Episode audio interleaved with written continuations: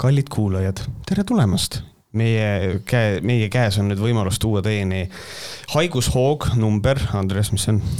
kakskümmend seitse. kakskümmend seitse. ahoi, rahvas mulle meeldib see, et meie introd on lihtsalt, me võtame nagu, meil on seda folkloori nii palju, et meil ongi, kõigepealt me tegime episoode, nüüd me teeme haigu, haigushoogusid mm. -hmm. tervitus on ahoi, rahvas, huvitav, mis see järgmine on? no tahaks öelda, et ei ole tegemist sektiga, aga see on juba võetud see on võetud ühe mölaka poolt, kes kuradi ma Youtube'i teeb. vot, et äh, oleme siin jälle teie ees ühe järjekordse, järjekordse saatega, äh, mille pealkirja me ei ole veel välja mõelnud. Äh, minul on täna teistmoodi, kes videot vaatab, siis saab aru, et mul ei ole sülearvutit süles ja selle asja nimi Windows Update, see on siinsamas kõrval ja ta teeb seda. ta on nüüd kaheteistkümne protsendi peal, vaatame äkki saate lõpuks saab valmis. Ma usun, et sul ei ole vaja ka seda, sest et see teema on sul läbitud juba, aga esimene teema, aga mina tunnen, et see vajaks uuesti äh, arutlemist. Ja me räägime härra Kris Kalast, äh, tema mõtetest.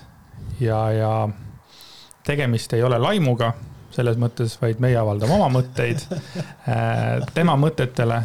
Ja kui ta leiab, et kuskil on tegemist laimuga, siis ta võib alati meid korrale kutsuda või siis äh, kirjutada meile. mina, äh, kuna ta mind süüdistab laimamises kogu mhm. aeg mm, -hmm. kui ta on minust rääkinud, siis mina neist täiesti tõsimeeli äh, tahaks, äh, et ta noh, näiteks näpuga mingi koha peale, kus on, kus on laimuga tegu. ma loodan, et mõni podcast'i festival kutsub äh, teda külla ja siis ta paneb mind ja teda koos lavale ja siis äh, me saaksime väikse debati pidada, mulle meeldiks. aga me saame teada kohe varsti, et ta ei tule, sellepärast et mõni podcast'i festival, mis siin on, ei maksa raha. ei maksa raha talle, muidugi no et meie muidugi saime kõvasti, aga temale kindlasti ei maksaks. jah, just aga siis kuidas me seda asja alustame, alustame niimoodi, et äh, Kris Kala avaldas äh, oma tagamaid, miks tema soovib lõpetada podcast imise ja üleüldiselt äh, maa pealt ära kaduda kõigepealt ta tõi meieni sellise mm, nagu tõlgenduse sõnast parasiitlus. kuulake nüüd, mis parasiitlus tähendab. parasiitlus tähendab, et miski hävitab ilma midagi vastu andmata, vaja välja süüa, tarbida meie kõik oleme parasiidid, mitte kõik ei ole, aga meis on parasiitlust. Märt, kas parasiitlus tähendab, et miski hävitab ilma midagi vastu andmata, vaja süüa, tarbida? kui sa, kui sa oled Kris Kala, siis jaa, aga põhimõtteliselt parasiitlus tähendab nüüd, kui me räägime parasiitlusest, noh, no tõenäoliselt me ei räägi, mis ta mõtleb parasiitorganisme, vaid ta mõtleb sihukeses sotsiaalses kontekstis. siis kui ta mõtleb sotsiaalses kontekstis seda parasiitlus, et keegi võtab, mitte midagi vastu ei anna, siis ma olen nõus talle vastu tulema nii palju, et, et noh, põhimõtteliselt küll jah. kuigi alati parasiit peab arvestama sellega, et tema eesmärk ei tohiks olla hävitada, sest et kui ta hävitab ära millegi, kus ta kasu saab kogu aeg siis tal ei ole sealt enam kasu lõigata, et selles mõttes minul nagu tekib see küsimus, aga, aga põhimõtteliselt võime öelda, et tal on õigus mm. -hmm. probleem on siis selles, et äh, tasuta informatsiooni on liiga palju ja kõik tahavad tasuta informatsiooni saada, millega ma olen täiesti nõus ja kirjutan alla. Andres Jääger ja Kris. Kala mm -hmm. arvavad sama asja, inimesed tahavad tasuta saada, kes ei tahaks tasuta informatsiooni saada, come on. muidugi, jah, ikka.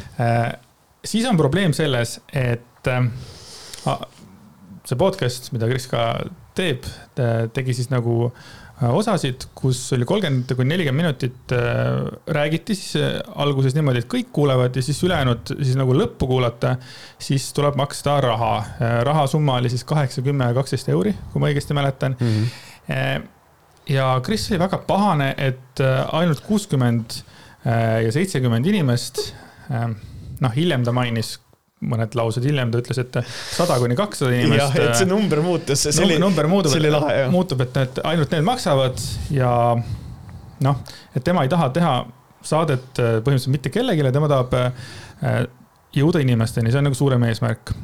ja need, kes ei maksa, ei väärtusta podcast'i ausad mehed, ei väärtusta Krisi ega seda, mida ta loob äh, kui sa seda väärtustaksid, mida ma teen, siis sul ei oleks kahju anda kaheksa, kümme või kaksteist eurot oma kvaliteetse sisu arendamiseks. kuna sa seda ei teinud, siis sul ei ole olnud selle jaoks piisavalt väärtust. ähm, kõigepealt mul see esimene asi, mis mul kohe tekitas hästi suurt äh, pahameelt, ma mäletan, ma nägin seda, ma märkasin seda juba Telegrami podcast'i puhul. et äh, nad toovad mingisuguse sitase külalise sinna, äh, siis nad annavad kolmkümmend kuni nelikümmend minutit seda niimoodi tasuta ja siis nagu, et, et noh, edasi, edasi kuulamiseks siis nagu maksa. mis on nagu kõige madalam, minu jaoks nagu kõige madalam sort äh, äriteed enda kuulajateks, kuidas sina ei austa enda kuulajaid, sa teed lihtsalt saate, sa annad isegi pool ära ja siis mingisugune selle poole eest sa annad mingi, mingi lõpu, mingi sitase lõpu annad ja siis selle eest inimene peab maksma mm. -hmm. mis on nagu, ma mäletan, kui ma nägin, et kui Telegram tegi seda, mul oli, et kui oli see, et no ja edasi kuulad Telegrami kuradi selle tellijalt, siis mul oli, mine putsi, ma elu sees ei maksa.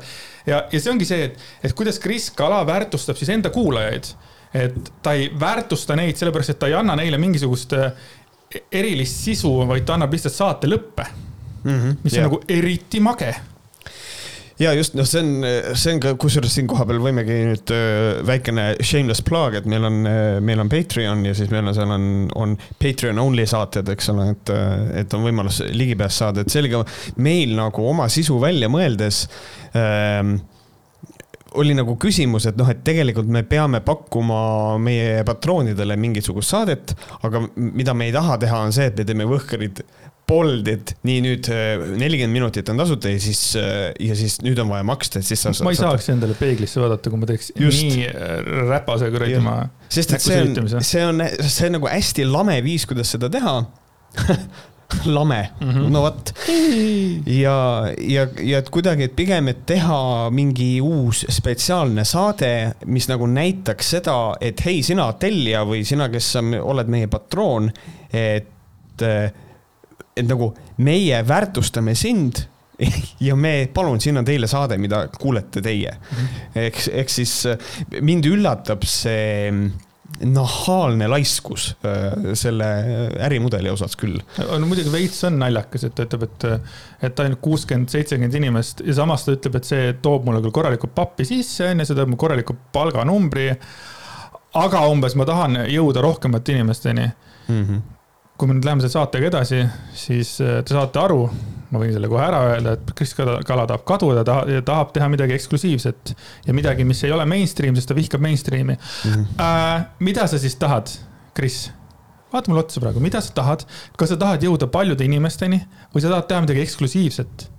kui sul on kuuskümmend kuni, sul on kuuskümmend kuni seitsekümmend inimest, see on väga, see on väga suur number tegelikult äh, tänapäeval äh, nagu Nad, kuuskümmend kuni seitsekümmend inimest on nõus andma sulle kaheksa või kümme või kaksteist eurot. see on, see on väga suurt, suur väärtus ja kutsuda parasiitideks siis nagu neid inimesi, kes ei ole nõus maksma sellest, kas me oleme siis, noh, selles mõttes, et jah, me oleme siis kõik parasiidid, aga, aga Kris on arvates veel suurem parasiit, siis ma usun, et ta kuulab ikka vahepeal Youtube'ist mõnda laulu. või, või, või, või, või mis iganes, on ju, et. no ma ei tea, ma toon mingi näite, et ma ei tea, mingi kuradi Lady Gaga teeb äh, albumi, on ju, album väga ei müü, eks ole, et mingi, ma ei tea, viiskümmend tuhat inimest ostab või sada tuhat inimest, on ju, aga, aga ütleme, ma ei tea, striimitakse seal mingi sadu miljoneid kordi näiteks, on ju mhm. minu arvates see ei näita esiteks ära seda, et, et teda ei väärtustata, aga kui Kris tunneb seda, et, et kuuskümmend kuni seitsekümmend inimest on tema jaoks nagu, nagu näkku sülitamine tema selle jumala töö eest, mida tema teeb, vaata siis äh, see mees on ikka nii, nii kaugelt juba kadunud tegelikult äh, mingi reaalsustajuga, et et see on nagu hästi putsis, aga muidugi see number ka kaheksa, kümme, kaksteist ja Spotify maksab kuus üheksakümmend üheksa või seitse või mis ta on, midagi sinna kanti, kuus või kaheksa euri, eks ole. et nagu Spotify's sul on olemas kogu maailma muusika, kogu maailma podcast'id ilma reklaamideta. võta shuffle'i, ära shuffle'i, pane neid lugusid, mis tahad, onju. ja siis tema paneb kaheksa euri ja siis palju ta siis annab, ütleme siis teeme siis näo, et annab neli saadet, ütleme iga nädal. annab neli poolikut saadet, mis ta annab põhimõtteliselt kaks täissaadet. ja siis ütleb, inimesed ei väärtusta mind, et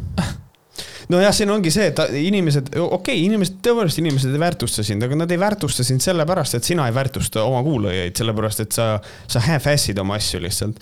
et nagu ja siinkohal on nagu, mida mina ka oma striimis välja tõin, mis on minu arust nagu täiesti jabur olukord, on see, et ta ütles, et tal on muidu keskmiselt niimoodi kuni kaks tuhat kuulamist mm. -hmm. ja et tasulisi neid kuulamisi oli kuuskümmend, seitsekümmend.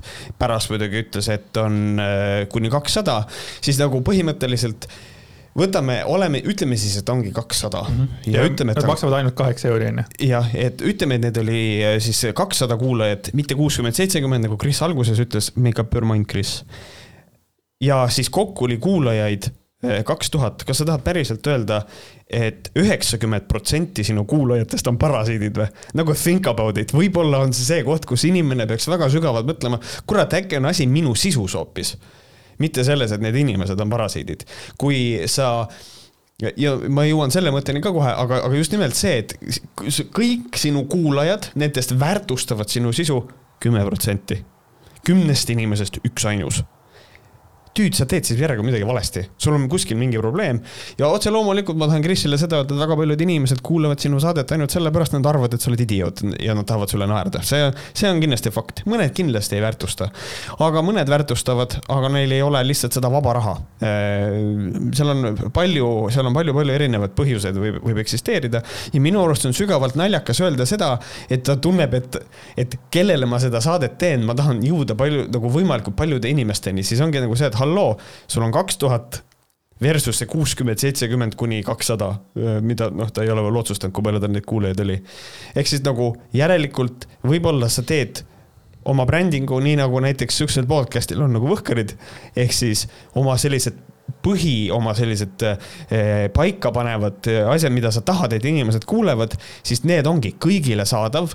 ja siis, kui sul on mingisugused eh, rohkem sügavama nüansiga saade või mingisugune, kus sa tahad mingist asjast täpsemalt rääkida ainult ühel teemal või nii ja naa, siis tee sellest eraldi tasuline podcast. see on uskumatu, et ma pean Kris Kalale õpetama, kuidas oma sisu luua niimoodi, et see talle raha sisse tooks, aga nagu come on, tule mõistusele. noh, ilmselgelt ta ei ole kümme protsenti see, kes tegelikult maksab, vaid on väiksem aga, aga mhm. kümme protsenti on tohutult hea number. nagu kui see oleks kümme protsenti, see on ülihea number. et intiimset eraelust äh, podcast, teine podcast, mida ma teen, me, te, me teeme ka mõnikord, me läheme hästi isiklikuks, me räägime nagu noh, sellistest asjadest ja mõtlesin, et okei okay,, see, me ei saa seda laia ilma panna, me paneme selle tasuliseks osaks.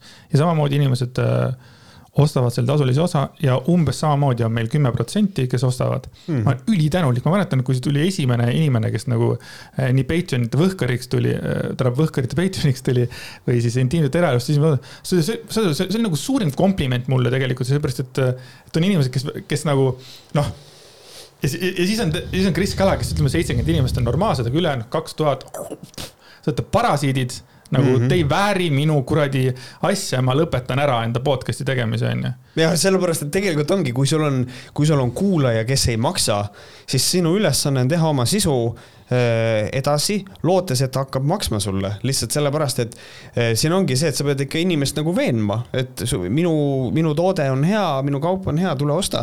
mitte, mitte on see, et nagu Kris Kala ütleme, et ta paneb üles, loome sihukese analoogia. ta on turul, ta on pannud endale leti ülesse ja kui inimene tuleb ja vaatab ta asja ja on kahe vahel, et siis saadab ta putsi, ütleb kuradi parasid kaudselt minema, nagu see on nii lollakas suhtumine, ma ei suuda seda mõista, absoluutselt mm. -hmm. ja see ka, et umbes, et et äh, Kris kujutab ette, et, äh, et nagu, et see ei anna, umbes see podcast'i tegemine ei anna talle mitte midagi, et umbes, et tahad tasuta saada. Kris sind kutsutakse saadetesse, kuhu sa ei lähe, sest sulle ei maksta. Äh, me räägime sinust ilmselgelt noh sa, kui sa, kui sa ei oleks olnud seesama Chris Kala, kes kunagi äh, süüdistas päris mitmeid naisi selles, et nad keppi ei anna, onju, siis äh, võib-olla paljud inimesed ei oleks näinud seda sinu videot, mis viraalseks läinud. podcast on andnud sulle nii suure, suure platvormi ja sa lihtsalt teed niimoodi eriti just nendele, kes tegelikult on toetanud ja kuulanud sind võib-olla algusest saadik, aga ei ole, noh, ma ei ütle, et ei ole nõus maksma, vaid ei ole mõelnud selle peale, et podcast'i toetada. podcast'i toetamine on väga, väga sihukene äh, eksklusiivne asi, tussisööjatel on umbes mingi nelisada, äkki viimati oli mingi nelisada kaheksakümmend patrooni. nelisada kaheksakümmend, aga, aga mõtleme selle peale, et tussisööjatel osad, ma kujutan ette, on seal kümnetes tuhandetes kuulamisi, on ju. nelisada kaheksakümmend on ülimalt suur number. noh, kui seal on kümneid tuhandeid kuulamisi, on ju. ausad mehed podcast, kus on, nagu ta ise ütles, tuhat, tuhat viissada, kaks tuhat, sul on kuuskümmend kuni seitsekümmend inimest, kes sind hindavad, on ju. see on täiega suur number, sa oled täielik debiil selle koha, selle koha pealt, kuidas sa nagu oma äh, kuulajatel tegelikult lihtsalt nagu näkku kused. et vot see häiribki mind, et äh, ja ta tahaks nagu lihtsalt öelda seda, et enne kui sa võtad äh, sellisel teemal sõna, et mismoodi inimesed sind ei väärtusta äkki sa uurid natukene turgu ja vaatad, kuidas teistel on. Ja siis paned pildi kokku ja siis nagu mõtled, et mida ma tegelikult ütlema peaksin, et see on minu silmis erakordselt, erakordselt veider.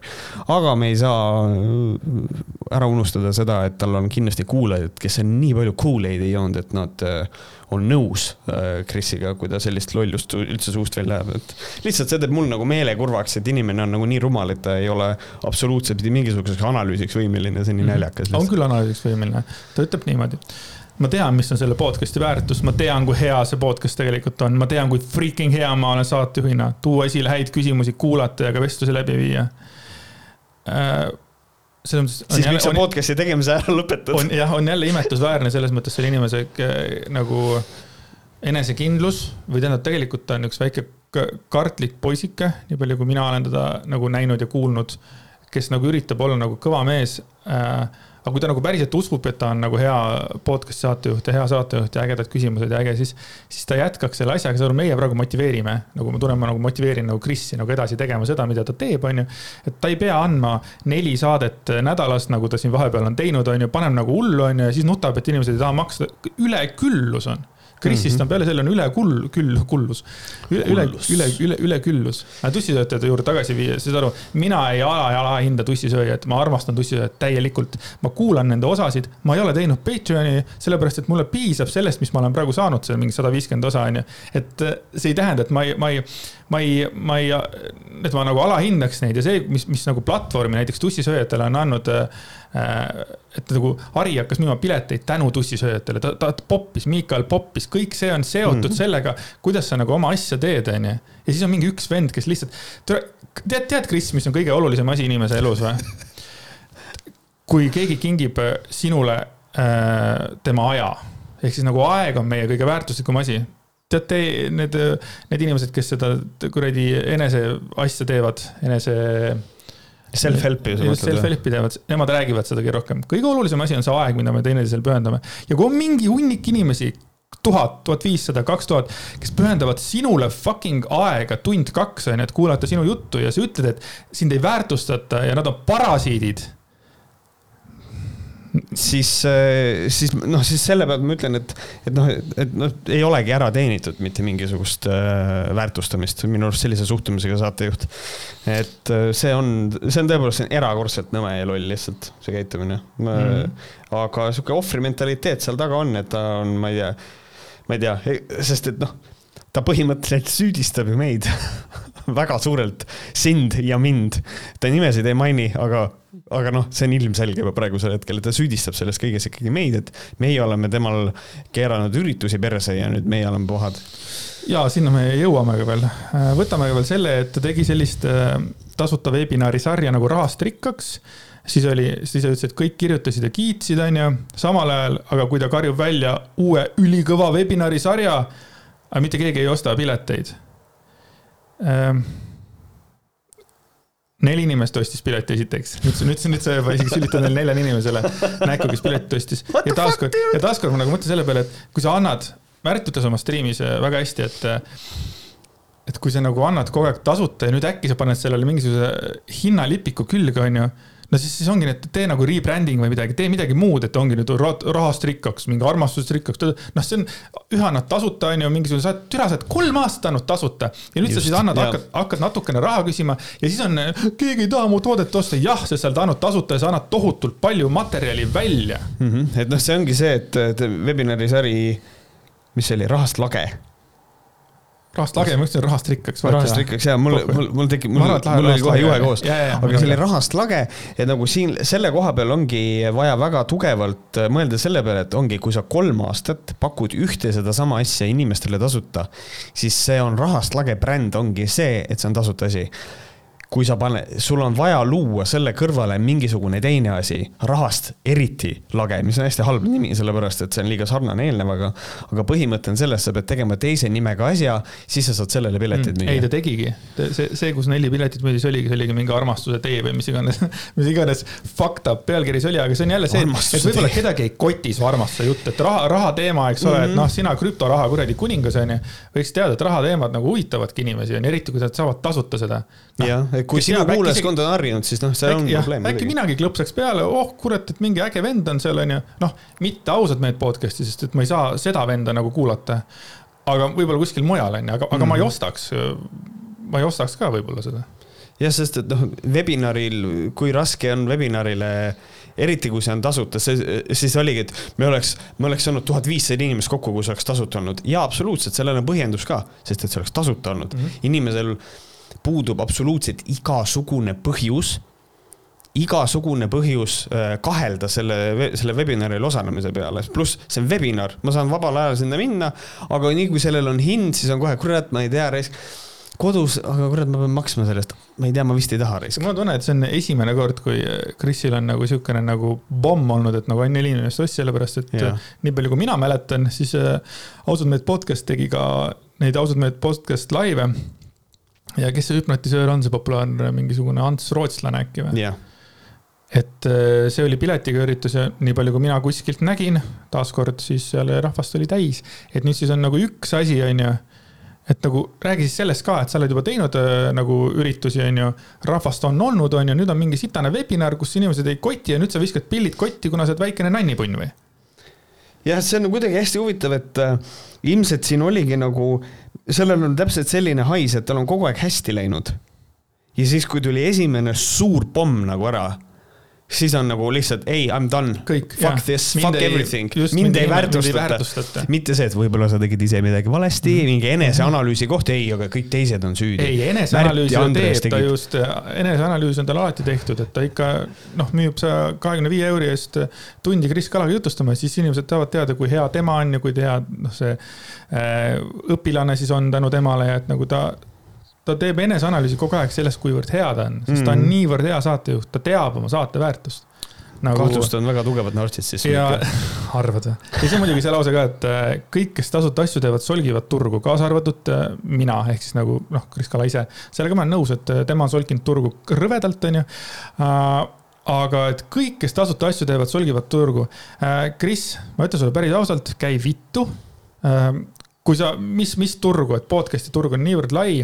Mm, mis solkimine on, podcast'ide point ongi tegelikult olnud tasuta see, et siin meil on tekkinud see Patreon'i võimalus ja on olemas ka äh, inimesi, kes nagu sooviksid saada ekstra sisu, noh, nende poolt, keda nad mingit podcast'i armastavad, onju aga et ma ei tea, Märt teeb striime tasuta, meie teeme siin podcast'i, me, see on, meie platvorm, see on meie väljendusviis, et türa, sa peaks seda ise kõige paremini teadma. sina oled halanud ju kakssada saadet seda, kuivõrd putsis kõik on. või kui, või täiuslik inimene sa oled või mis iganes. mul ongi nagu see, et, et, et tegu on nagu turu solkimisega, siis noh et, et kõik on nagu tasuta, siis aga praegusel hetkel turg ongi niimoodi, et podcast'id on reeglina tasuta ja podcast'id on viis suunata inimesi mingisuguse asja peale, mida sa teed, mis maksab raha.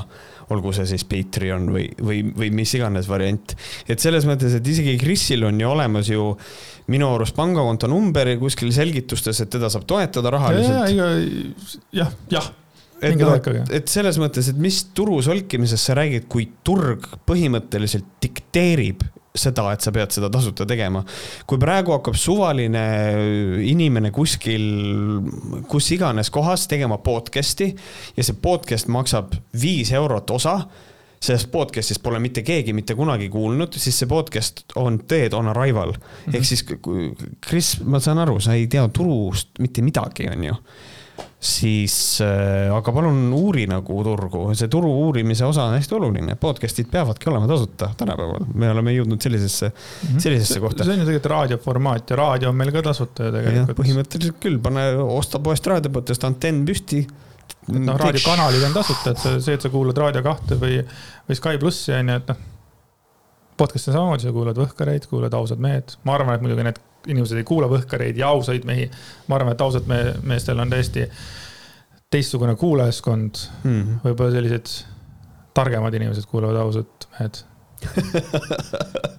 Ehm, muidugi see oli huvitav, et, et noh, ta räägib, et tal on rahaga sitasti, on ju, ja siis see, kui ta siin ütleme kuuskümmend, seitsekümmend või siis sada kuni kakssada inimest tema kaheksa kuni kümne, kaheteist eurot osa või seda mm, ausalt meie platvormis ostsid, on ju, et siis ütleme, et ta teenis kaheksasada kuni ütleme mingi tuhat kuussada, siis ütleme selle loogika järgi mm. -hmm. euri käder, saad aru?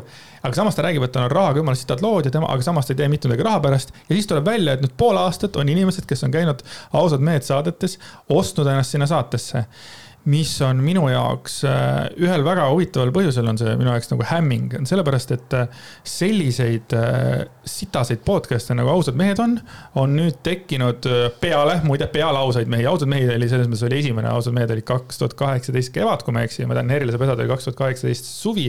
ja siis Täitsa Pekkis saade tuli kaks tuhat kaheksateist ka sügis vist või, ja siis need igasugune mullid ja asjad kümme korda suurema kuulajate numbriga on nii Täitsa Pekkis kui Mull ja need onju. ja siis on mingisugused äh, inimesed, kes ostavad ennast ausad mehed saatesse, et äh, nende juttu saaks kuulata tuhat kuni tuhat viissada inimest mm. -hmm. ma ei alahinda tuhandet ja tuhat viissada inimest, ei, üks inimene juba, kes kuulab, on tegelikult äge, noh lihtsalt, mida ma tahan öelda, et, et kas need inimesed on purulollid, et nad ostavad ennast ausad meesse või? ausatesse meestesse või? Nagu miks sinna, sul on niivõrd palju samasuguseid eh, fakta podcast'e on praegu umbes kümme, mul tuleb kohe meelde nagu, kus räägitakse sellest eh, eneseabist ja, ja see kõik see kuradi hüpnotisöörid ja kuradi kõik need eh, soolapuhujad käivad ükshaaval seal saadetes. ja mul on, noh, siin on, minul on, minul tekib kohe nagu see mõte, et äh, ükskõik mis podcast, kuhu külaline ennast sisse ostab, siis mul tekib hästi palju küsimusi. lihtsalt just nimelt selle, sellel baasil, et kui me teeme mingit eneseabi podcast'i, siis kuidas on võimalik, et keegi ostab ennast sellesse saatesse sisse. nüüd ma saan sellest aru, et kui ma nüüd Krisi loogikat suudan jälgida, siis tegelikult see on niimoodi, et kui tema kutsub kellegi endale saatesse, siis ei ole vaja maksta, onju. aga siis, kui keegi tahab ennast saatesse pakkuda, et siis selle eest on vaja maksta. Ähm, mis noh, siin on huvitavad nüansid niikuinii, noh näiteks kui Krisi kuskile kutsuda, siis Kris tahab selle eest kindlasti raha saada. aga kui tema kedagi kutsub enda podcast'i, siis ilmselt äh, siis, siis on vaja tasuta tulla. ja kui sa tahad ise tema podcast'i minna, siis sa pead ikkagi talle maksma, ühesõnaga. kõik rahad ikkagi viivad viivad Krisini nagu. kõik, eh, kõik teed viivad Rooma, kõik rahad lähevad Krisini mm. -hmm. et, ähm, et see on lihtsalt, mul tekib selline küsimus, et kui meil on selliseid podcast'e turul hästi palju ja vot seda konkreetset inimest ei ole mitte ükski podcast enda juurde kutsunud ja ainus viis, kuidas see inimene saab ennast market ida, on see, et ta ostab ennast ausatesse meestesse sisse. siis see on väga suur äh, punane lipp minu jaoks. minu jaoks on punane lipp see, et kui, kui ta selle saate tegi siin kuskil äkki aprilli lõpus või mai alguses, ma pakun, see, kus ta rääkis, pani hiljem ülesse, et äh, nüüd, kui ma läheks keriks, scroll'iks ausate meeste nagu külalisi viimase poole aasta jooksul, siis ma mõtleks automaatselt, see vend ostis ennast sisse, see vend ostis ennast sisse. et nüüd ta selle väljaütlemisega, minu arust ta keeras nüüd ka tuksi need, keda ta ise kutsus, sellepärast et minu jaoks on kõik viimase poole aasta külalised, kes seal käinud, on ennast ise sisse ostnud. mis tähendab, et nende väärtus on mu jaoks veel väiksem, kuigi minu väärtus ei, tähendab see, et kas minul on väärtus, kas mina väärtustan Krissi, see ei ole oluline, sest Kriss teab, et tegelikult, et ma olen alati temaga ja et, mina ka, absoluutselt, Kris lihtsalt, et ja siis muidugi see, et tasustatud saadete puhul Kris ütles, et ta pingutab rohkem, et saate väärtus oleks suurem. mis on jälle niimoodi, sa teed lõdva munniga oma ausad mehed podcast'i ja siis tasustatud saadet, kas sa siis nagu pool saadet, sa siis oled niimoodi ja ma ei küsi midagi, ma nätsutab see nätsu ja siis, kui tuleb see paywall taha, siis oh ja nüüd räägime siis ja siis hakkab mingi töö pihta. mina olen aru saanud, et Krista äh, Fishi tööloogika on see, et tema ei valmista saateid ette, ma võin eksida, ma olen kuskilt kuulnud seda. No siis ongi niimoodi, et, et näiteks Võhkareid me valmistame ette noh, noh, kaks nädalat selles mõttes, et aga, aga laias laastus ütleme, et ikkagi noh, ütleme nädal me valmistame seda ette, et, et saade oleks äh, hea, et läbimõeldud, äh, teemad katuksid või mitte katuksid, vaid nagu jookseksid ilusasti.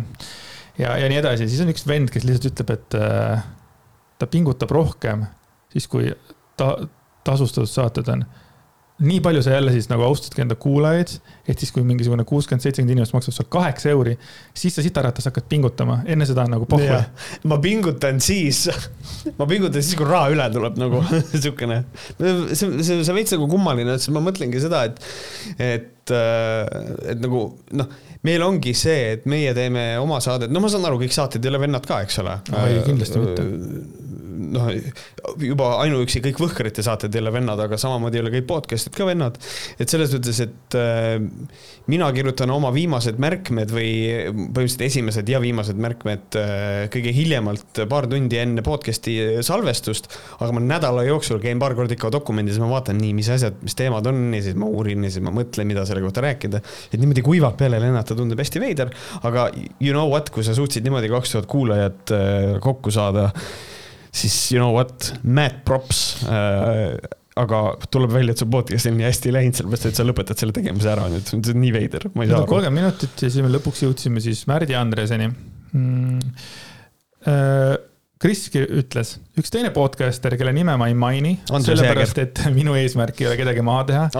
Lihtsalt mul on huvitav näha, kuidas inimesed mind maha teevad. siis, siis, siis, lause lõppes. nii, siis ta saat, läks niimoodi. ja üks Youtuber react ib, vaatab videosid, piltlikult teeb maha. kolm tundi, avalik laimamine kui sapine ja kui katki sa tegelikult seest oled ja kui katki on sinu jälgijaskond, kes seda tarbivad. Piinlik, see oli siis nagu siis Märt Koigi kohta, kes on teinud nüüd siis kaks saadet, aga sellel hetkel oli teinud ühe saate või ta ütleme siis ütleme poolteist tundi äh, rääkinud Kris Kala maailma kõige rumalamast videost, mis sai kolmkümmend viis tuhat kuni nelikümmend tuhat vaatamist, mida Kris igal võimalusel mainib, sest see on tema ainukene võimalus kuidagi särada just. aga räägi mulle, miks sa oled, äh, kui katki sa tegelikult seest oled ja kui katki on sinu jälgijaskond? Vaata oma jälgijaskonda ma ei tea, mina, see kui katki mina olen, vot seda ma peaks, ma arvan, et ma peaks Meeli Lepsoni juurde minema, laskma ennast mingi aparaadiga mõõta mm, -hmm. ma arvan, et tal on olemas niisugune asi. Äh, äkki on Krisil ka, ma ei tea, või äkki ma peaks tegema seda, mida Kris teeb, et äkki ma panen äh, oma Insta story'sse oma sita junnis pildi ja siis äkki minu, minu jälgijad saavad mulle öelda, et vaat jah, sul on seal need äh, valed ensüümid ja asjad sees. või ühesõnaga sihuke. minul on ka küsimus, Kris, sulle ma palun, et keegi nagu jagaks seda videot Krisiga, sellepärast et äh, ma räägin nagu hetkel temaga. kui katki sa tegelikult oled, sest et äh, sa ütlesid enda üht, ühes, ühes viimastest podcast idest, et aasta aega tagasi, kui sa tegelesid väga kõvasti vandenõuteooriate uurimisega äh,, sulle tundus, et kõik on täiesti mõttetu ja sa peaaegu tahtsid ennast ära tappa. Kris, kui katki sa tegelikult oled kui katki tegelikult sina, Kris, oled oh. ja see, et sa, mille, mille pealt on siis sinu arvamus, et äh, Märt on katki? et, äh, et ta nagu sinu äh, rumalustele reageerib, Kris, see, et sinust on räägitud äh, Võhkarites umbes viis korda, sa oled meile oluline ja Märdi, Märdi striimis kaks või kolm korda, võib-olla on neli korda on äh, jutuks tulnud lihtsalt mingi paari lausega. me oleme Varro Vooglaiust rääkinud kolmkümmend korda Võhkarites, et selles mõttes, et, äh, et asi ei ole nagu sinus ja, ja, ja see, et kui me räägime mingisuguste äh, inimeste, mis tähendab, nendest asjadest, mis meie jaoks on nagu tobedad et see, selle jaoks peab katki olema, et, et vaadata kriitiliselt maailma.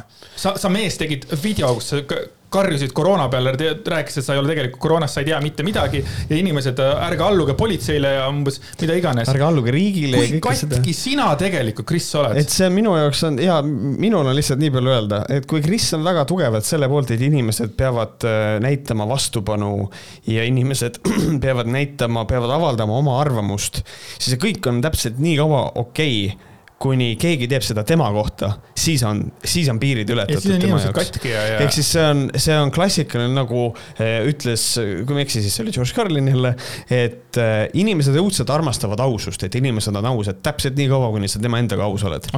et, eh, et siin lihtsalt ma ei oskagi nagu mitte midagi muud öelda, kui et mina olen alati avatud, mina striimin kaks korda nädalas, uuri välja, millal, see ei tohiks väga keeruline olla.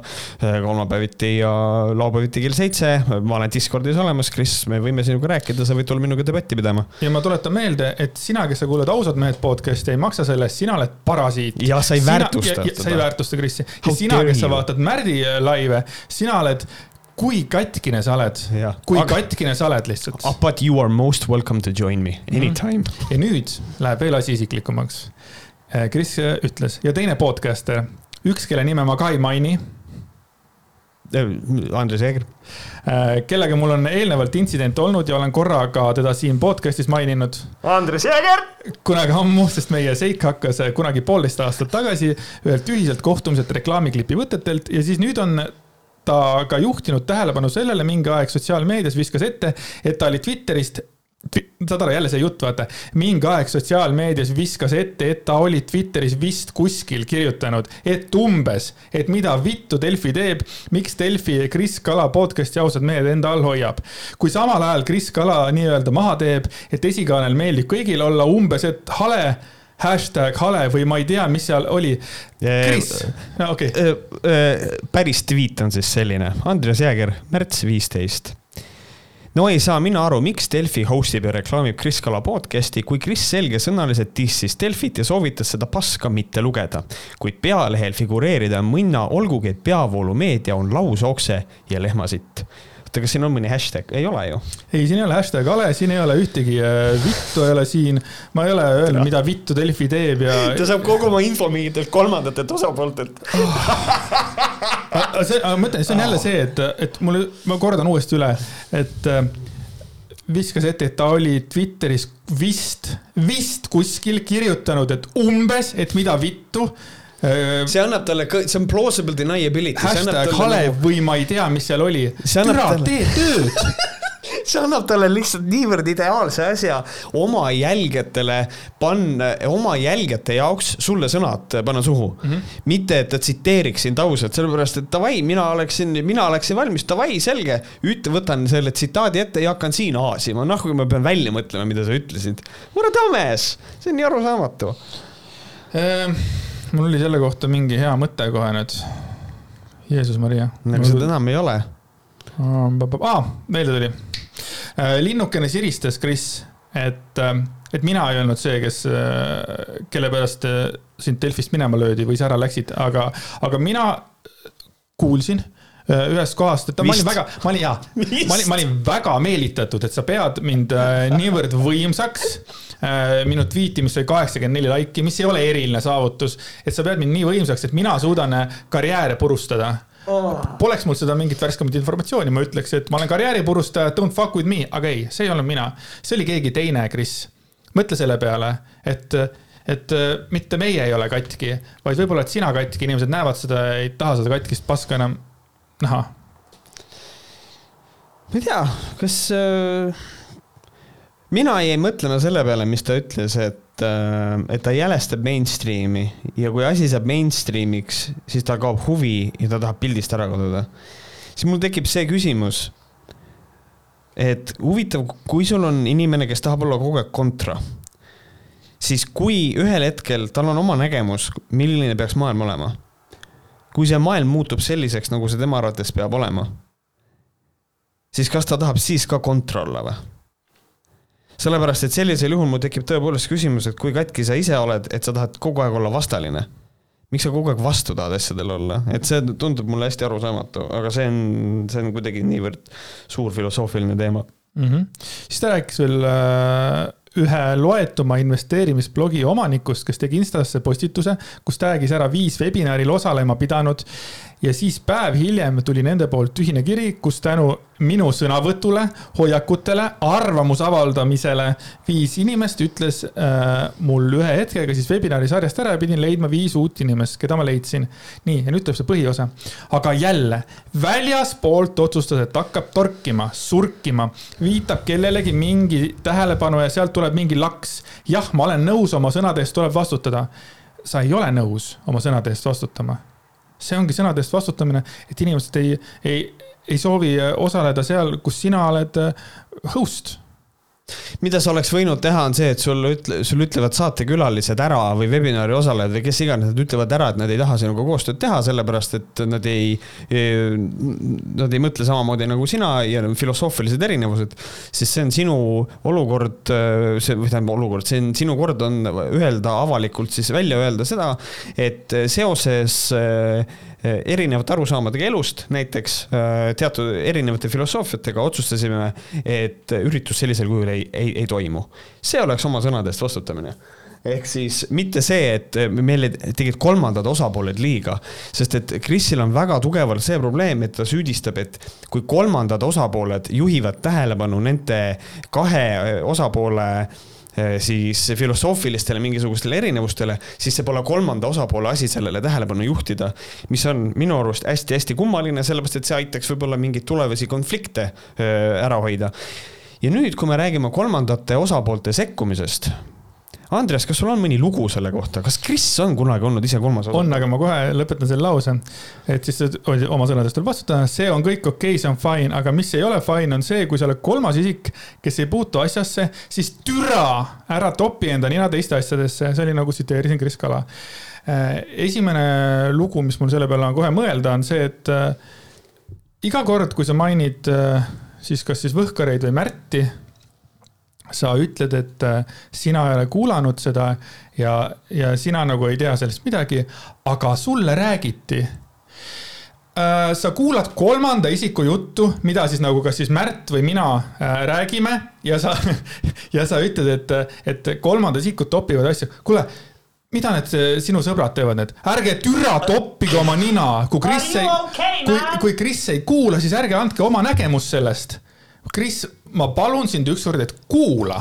Ma nagu päriselt, ma olen nagu härrasmees ja ma tahan, et sa nagu kuulaksid, mis on nagu meil öelda ja prooviks seda teha nagu jälle nagu neutraalselt ja vaadata, mis on sinu sõnade taga ja kuidas sa oma sõnade eest seisad, kui sa iga lausega cancel dad enda lauset. Noh, see on nagu see, millest me tegelikult rääkisime, kui oli see äh, kuradi ma fucking koroona videoskandaal, eks ole. ja just, et, et noh, siin ongi see, et äh, see on täiesti sada protsenti okei. okay,, et sa ei ole meie öeldud või meie tõlgendustega nõus. see on jumala okei okay aga see tähendab, et siis ka meie oma peaks olema okei okay, või, või ei või, aga kolmandad osapooled, kas sul oli mingi näide? ja mulle kirjutati siin mõni aeg tagasi, fun fact, kunagi alustasin ausad mehed podcast'i kuulamist ja kirjutasin Krisile, et huvitav kuulamine.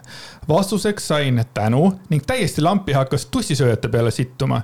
jutuga, et meil on ka sisu, mitte nagu tussisööjad. Kris. kas sa olid kolmas osapool? Kris, miks sa oled kolmas osapool? miks, miks sa hakkad sittuma teiste peale, et et äh, mina olen ka sittunud paljude asjade peale ja nii ongi. ja, ja ma nagu, ma nagu own in seda et äh, aga dude, sa oled ise kolmas osapool, miks sa nii teed, kui katki sa pead olema, et äh, nagu hakata nagu dissima kõige paremat või noh, selles mõttes kõige populaarsemat sellel hetkel on ju, paremus on alati nagu küsitav, kelle, kes, mis, kellele, eks ole. aga ma kujutan ette, et tussisööjad võidaks mingi üheksakümmend kaks protsenti annaks hääle tussisööjatele, kui kuskil oleks mingi hääletus. ja sa hakkad sittuma tussisööjate peale muidugi nende peale võib sittuda, aga sa hakkad sittuma inimesele, kes, kes sind, kes sind tõstab ülesse. Miks sa teed seda, miks sa oled see kolm, miks sa teed niimoodi? ja kuidas sa saad siis vaadata endale peeglisse öelda, et kõik teevad sulle halba. muide, fun fact, mida Kris veel ütles ühes enda hiljutises podcast'is. ta ütles seda, et äh, mida aeg edasi või tähendab, mitte mida aeg edasi, vaid et äh, talle meeldib väga Jokkeri film ja ta nagu saab aru Jokkerist, et noh, et inimesed oh, ta saab aru ja ta ütles, et, et tema oleks veel rohkem inimesi maha tapnud vist midagi taolist. Oh. mis tähendab seda, et, et vaata, vaata, see on veits hirmutav kui me rääkisime William Kovali äh, sellest äh, bandest nimega, mis see, kuidas me neid kutsusime? Fight Club. Fight Clubiks, et, et see tundus mulle veits nagu veider, et on mingi terve kari vendasid, kes hakkab nüüd nagu harjutama koos äh, kaklemist. ja nüüd on see tunne, et mul on tunne, et kui Kris ütles seda, et tahtis tast mingi hetk ära tappa või noh, ta oli elust väsinud ja nüüd ta ütleb, et ta saab aru inimestest, kes võtavad nagu, võtab nagu relva, kuna tal on nagu liiga tehtud. kas ta vihjab sellega, et tema on saanud viimasel ajal saanud niivõrd negatiivselt äh, nagu peksa, et, et ta võib plahvatada. ma arvan, tead, ma ütlen, ma arvan, et see on performatiivne kõik. ma olen täiesti aus, sellepärast et äh, miks sa pead, nagu see on lihtsalt, see tundub mulle edgy'na. ma ei, ma ei usu küll, et äh, ma ei tea, ma ei usu teda, ma ei usu teda selle koha pealt, et ta, ta hakkab, ma ei tea. noh see on, see on, see on, see on jah, sinu, sinu, sinu see tõlgendus, minu tõlgendus on see, et äh, ta võis vihjata vaikselt, et tal hakkab ära kammima ja noh, ilmselgelt ta hakkabki ära kammima, kui ta nüüd kõik tahab ära cancel ida, kõik ära teha. aga samas ta on hakanud nüüd Instagramis influencer'iks. ta, ta suurem õde siis äh, annab talle mingisuguseid, äh, mida tema ei ole sponsor, sponsorid vastu võtnud, mingisuguseid asju arvatavasti. ja siis Kris on siis nagu sponsord. ja, ja tõesti, et viimane, viimane laks oli see, kui lihtsalt Kris äh, näitas enda sitta Instagrami story's, enda sitta. me oleme jõudnud yeah. nii kaugele selle au, aus olemisega, et enda sitta. sest et tema, kas tema sees on olnud mitukümmend aastat seal äh, on olnud mingisugused asjad? ma ma tegin enda hästi halva nalja enne salvestamist, et nüüd ta hakkas oma sitta pildistama, et enne ta lihtsalt läks stuudiosse, salvestas seda, aga nüüd ta hakkas seda näitama ka. aga, aga ühesõnaga ja, et oma fekaali näitas, sest et ta tegeles mingi läbi mingite ensüümide oma puhastamisega. aga ma sain teada seda muuseas, et MMS-i joojate hulgas väidetavalt see sita pildistamine ja teistele näitamine on tegelikult nagu thing, mida tehakse. et nagu mingis kontingendis on see sita näitamine juba praegusel hetkel täiesti normaalne et äh, vaadake, minu sitt oli selline ja siis nad solverdavad seal sees ja analüüsivad. siis kui nad ei saa mingist asjast aru, mingi imelik tükk on kuskil, siis nad arvavad, et see on mingisugune -hmm. toksiline parasiit või mingisugune asi. no Meeli Lepson ju täna jälle Facebookis jagas seda, et keegi oli jälle jaganud mingi selle taevapilti. ja et jah, et aga, et ikkagi, miks on need sellised ja noh, et küsige küsimusi küsige, küsi, küsige palun kõik küsimusi. aga. ja võtame selle ka, et äh, mm, okei okay,, jätame selle vahele, aga see on sihuke lause, et ei, putsi, ma võtan otsast peale, sorry. ja siis oli veel hetk, kus üks inimene ütles paar nädalat tagasi ära oktoobris esinema tulemise, kuna keegi oli talt küsinud, et kas tema ja Kris Kala väärtused kattuvad, sest vend jagab valeinformatsiooni Covidi osas ja nii edasi. ja siis too vend ütles, et bränd Ausad mehed ei ole enam see, mis ta alguses oli ja tema enam sellega midagi tegemist teha ei taha. ja siis Kris ütles, puhka jalga, hea sõber, sa ei ole nii kõva vend ega nii suure impeeriumi ehitaja, et su ettevõte saab kahjustada selle tõttu, et kuskil Väätsa nurgakeses mingi Kris Kalamaa podcast'is eh, on öelnud midagi Covidi kohta. tule nagu mõistusele, mida vittu lihtsalt mees. Eh, ja siinkohal ma tuletaks meelde, kes praegu oma projekte cancel dab? Kris Kala ehk siis järelikult oli nii kõva mees, et tema äraütlemine oli üks, üks nendest dominokividest, mille pärast üks inimene otsustab, et ta jätab kõik asjad pooleli. ühesõnaga, on küll päris kõva mees on selles mõttes. Ja, ja ta ütleb seda ka, et jälle kõik see pull sai alguse ainult sellepärast, et mingi kolmas vend tuli ja sorkis oma nägemise väljaütlemisega sellist kohta, äh, kuhu oma nina tegelikult toppima ei peaks. kui see ei puuduta sind, siis ära türa topi oma nina teiste inimeste asjadesse, sa rikud suhteid. halloo, sina tegid selle fucked up video ja ta mainis ka seda, et ei no äh, oota, kuidas see oligi, et Covidist äh, rääkimine on keelatud, aga kui ta ütleks, et homod on värdjad heterod seksivad, siis see on halb, kaks naist koos, siis see on nõme, šokolaadijäätis on paha, vaniljejäätis halb, kui nendest rääkida, siis on fine saad aru, ta rääkib, no saad aru, asi ei ole, Kris, selles, et Covidist rääkimine, et see on Covidist rääkimine, Covidist rääkimine on okei okay., me oleme rääkinud Covidist viimased aasta ja, ja veel pealegi, tead. Aga... see, mida sina tegid, ei olnud Covidist rääkimine, vaid see oli mingisugune, see oli läbimõtlemata mingi suvane pask, nagu see oli, see oli lihtsalt niivõrd halb, et ma olen, olen sulle ka varem öelnud, kirjuta ette, mida sa öelda tahad. noh. näiteks jah või noh, ehk siis sinu, meid pigem häiris sinu selle video puhul ju see, et sa mismoodi eh, sa lihtsalt kutsusid inimesi üles mitte alluma Eesti põhiseaduslikule korrale, kuigi sa samal, samal ajal ise kaitsed ennast põhiseadusega. et seal oli palju hoopis teise, selle, selle video sisu oli hoopis teistsugune.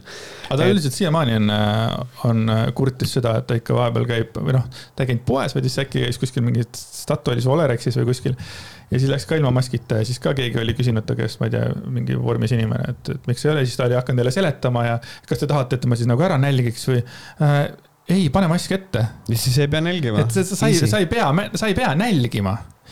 ja muidugi see ka, et et bränd Ausad mehed ei ole enam see, mis ta alguses oli ja tema enam sellega midagi tegemist teha ei taha. see on tolle inimese arvamus ja kui, kui inimene, kui, kui, kui ütleme, kolmas osapool küsib, et noh, kas sa ikkagi tahad selle vennaga koostööd teha, kujutad ette, Kris, et äh, me hakkaks sinuga äri ajama.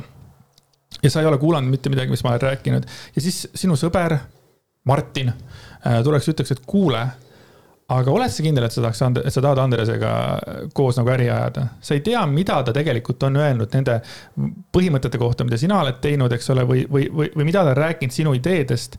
talle need ei meeldi. Kris, kolmandate osapoolte sekkumine on väga hea, kui see nagu annab nagu informatsiooni hmm ma, ma ei tea, et kui ja bränd Ausad mehed on alla käinud, nagu iga inimene näeb seda, isegi kui ta ei kuula podcast'i Ausad mehed, siis ta enam ei taha või kui ta tahab, siis ta tahab teha seda ainult irooniliselt. ta kuulab seda samamoodi nagu, nagu mina vaatan William Kovali videosid. ja Daniel Rüütmani videosid ja loen Meeli Lepsoni postituse ja vaatan Märt Koigi striimi. hea küll, hea küll, hea küll. et Ups. selles suhtes äh, ja see ka muidugi need näited, et, et kui ta ütleks, kui ma ütleks, et homod on värdjad heterod seksivad, siis see on halb. kaks naist koos, siis see on nõme. Dude, sama asi. nagu, nagu, mis sul, mis sul nende homodega on, et, et nüüd sa ütled, ma võtan selle nüüd tekstist välja, aga samas sa ütlesid seda, homod on värdjad. ja kaks naist koos, siis see on nõme. nüüd sa said ka gei kogukonna enda vastu veel.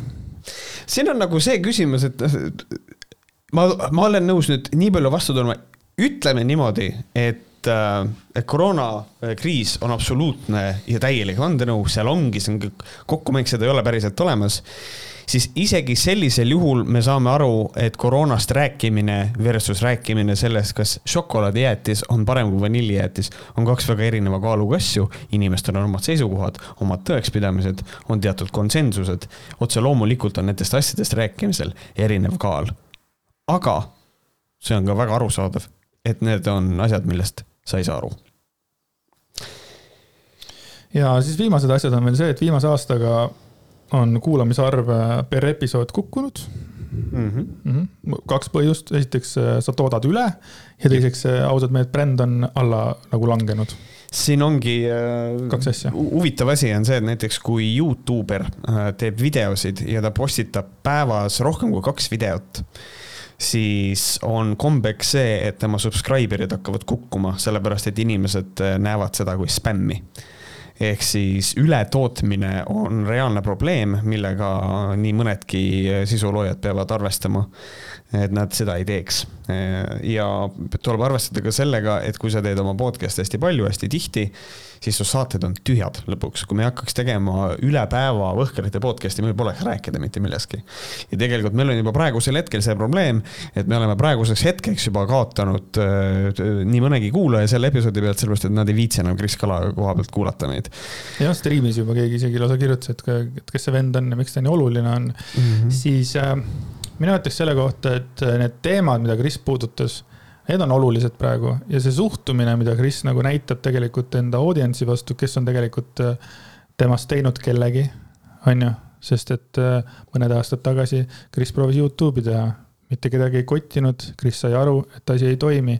Ja ta leidis endale oma žanri. Ja nüüd ta lihtsalt situb nende peale, ta situb teiste peale, ta situb kõikide, kõikide peale põhimõtteliselt kes kannab maski, kes on äh, homod seksivad ja kes, no mis iganes asi, Kris situb sinu peale ja, ja siis noh, nii, palun äh,. ma ei tea, ma hakkasin lõpusõnu ütlema, kas sa olid lõpusõna? ja ma see ka, et podcast'i ausad mehed reklaamimüük pandi kinni või pani, ta pani reklaamimüügi äh, kinni. see oli niimoodi, vau podcast'il ausad mehed oli reklaamimüük, tal oli reklaamimüük, tal olid tasulised osad ja talle maksti, et saatesse tulla.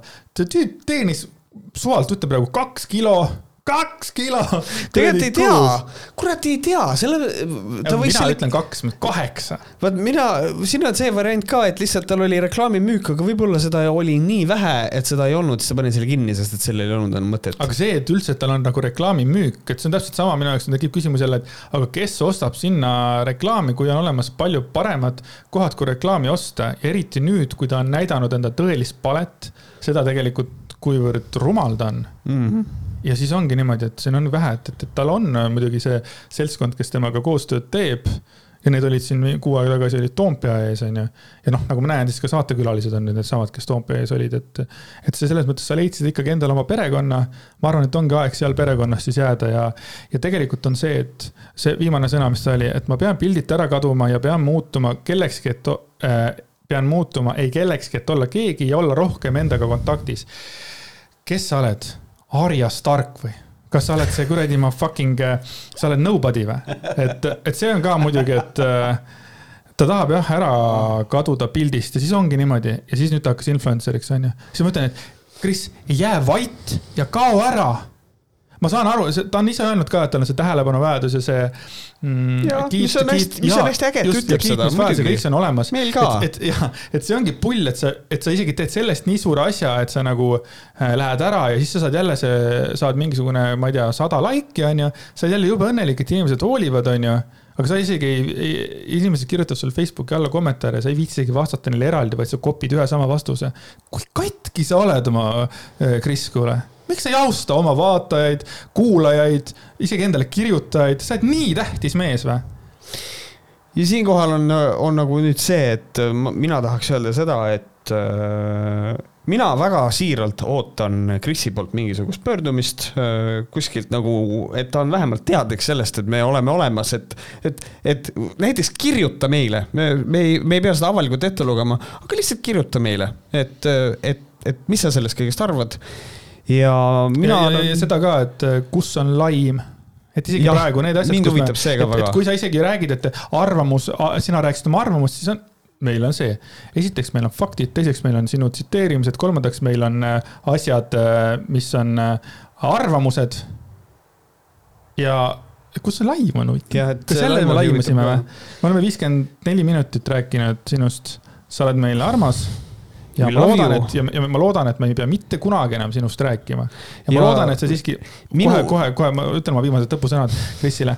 ma loodan, et sa lähed ära mingiks ajaks ja muutud äkki taas kellegiks, aga mingisugune paar aastat sa võiksid olla oma urus, kirjutada raamatut, tegeleda krüptodega, kasvatada oma armast äh, last, tegeleda oma armsa naisega ja seal Väätsal saada kontakt iseendaga, sest sa oled otsinud kakssada seitseteist saadet kontakti iseendaga ja sa ei ole leidnud seda.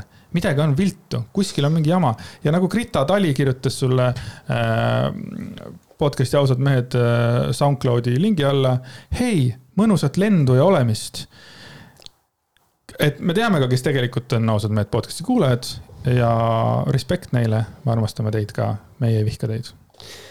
ja minu poolt lihtsalt see, et äh, on, et mina isiklikult loodan seda, ma arvan, et Võhkarid nüüd võtavad sellise suuna, et uh, unless you do something extremely fucking stupid, siis ma arvan, et uh, Kris Kala on ennast selles podcast'is ammendanud ka, et uh, ma nagu mõnes mõttes sealt peegeldub ainult absoluutne, absoluutne soov mitte aru saada, mitte tegeleda konstrukti-, konstruktiivse kriitikaga eh, soovimatus aru saada, paistab sealt mulle nüüd vastu. Eh, ja ma arvan, et sellega nüüd see asi piirdub, küll aga mina loodan, et sa leiad võimaluse eh, armastada enda ümber olevaid inimesi sama palju, kui sa armastad iseennast. ilusat teed, ilusat olemist ja ma loodan, et kõik lõpeb hästi. mõnusat lendu ja olemist. mõnusat lendu ja olemist aga lähme edasi hoopis teise teemaga. ja nüüd hakkame vägistamisest rääkima ühesõnaga äh, siin on siis põhimõtteliselt on, jutt on kahe juhtumiga, äh, kahest juhtumist on siin nüüd juttu, aga äh, Ekspressis oli siis artikkel, kus kohas kohus mõistis Tallinnas tegutsenud egiptlasest autojuhi süüdi naisreisija vägistamises. ja põhimõte on siis selline, et äh, juhtum, mis aset leidis, oli siis selline, et oli, aasta oli kaks tuhat üheksateist, oli augustiöö, kahekümne teine august. ja äh, tugevalt joobes naine istus äh, taksosse, mille peale egiptlane siis pakkus talle sigaretti, mis oli sealt keeratud ise siis ja naisterahva sõnul peale seda, kui ta tõmbas ära kaks mahvi, tundis ta, et, et ta justkui oli mingi aine mõju all tal tekkisid rääkimisega raskused ja nii edasi ja nii edasi. ja siis äh, on minu holy shit moment, ma olen selle ära märkinud. siis see taksojuht viis ta Tallinna linnahalli taha läks auto kõrvalistmele või tähendab, mitte nagu läks naise kõrvale tahaistmele istuma. ja siis äh, tunnistuste kohaselt surus sellele naisele oma peenise suhu. ja surus pead alla ja surus ja, ja, ja surus pead alla. ehk siis väga, väga karm juhtum, kus kohas kasutati ära siis äh, naisterahvas, kes oli, kes oli joobes.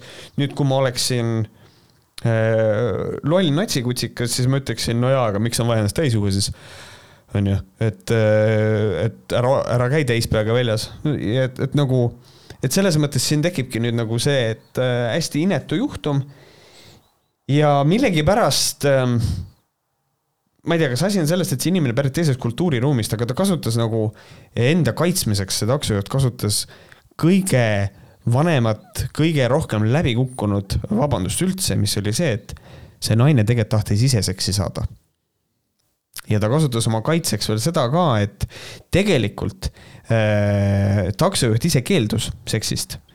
sest et joobes naised äh, mõjuvad talle eemale tõukavalt ja ebameeldivustunnet äh, suurendas see, et see naine veel oksendas ka. kuigi ta pärast hiljem tunnistas, et tal tekkis sellele, tal tekkis selle naise peale erektsioon ja kuid ta ei vägistanud naist suhu, vaid ta onaneeris, mis kuidagi tekitab minu jaoks küsimuse, et spermat leiti naise riietelt kas siis see on tema arvates okei okay,, et ähm,, ma olen taksojuht, mulle õudselt meeldib mu reis ma istun ta kõrvale ja taon ta kõrval pihku või? ja, ja, ja mulle meeldis nagu see ka, et kohtunikud pidid välja tooma ja siis ma vahepeal mõtlen nagu selle peale, et millega kohtunikud peavad tegelema, sest mm. kohtunikud eh, keeldusid seda meest uskumast nagu põhjendades seda sellega, et sa kõigepealt räägid, et see naine tekitas sinus vastikustunnet, ta oksendas, teil oli ebameeldiv, kuidas sul sai siis erektsioon tekkida tahad pihku seal kõrval. et nagu, kuidas see võimalik on? Eh, mis mind üllatas, oli see, et pärast vägistamist sõidutas egiptlane naise koju. seda luges kohus mõnevõrra kergendavaks asjaoluks lihtsalt kõikidele vägistajatele tuli praegu memo, aa selge, viime kõik mhm. naised, keda me vägistame koju, siis see on kergendav asjaolu.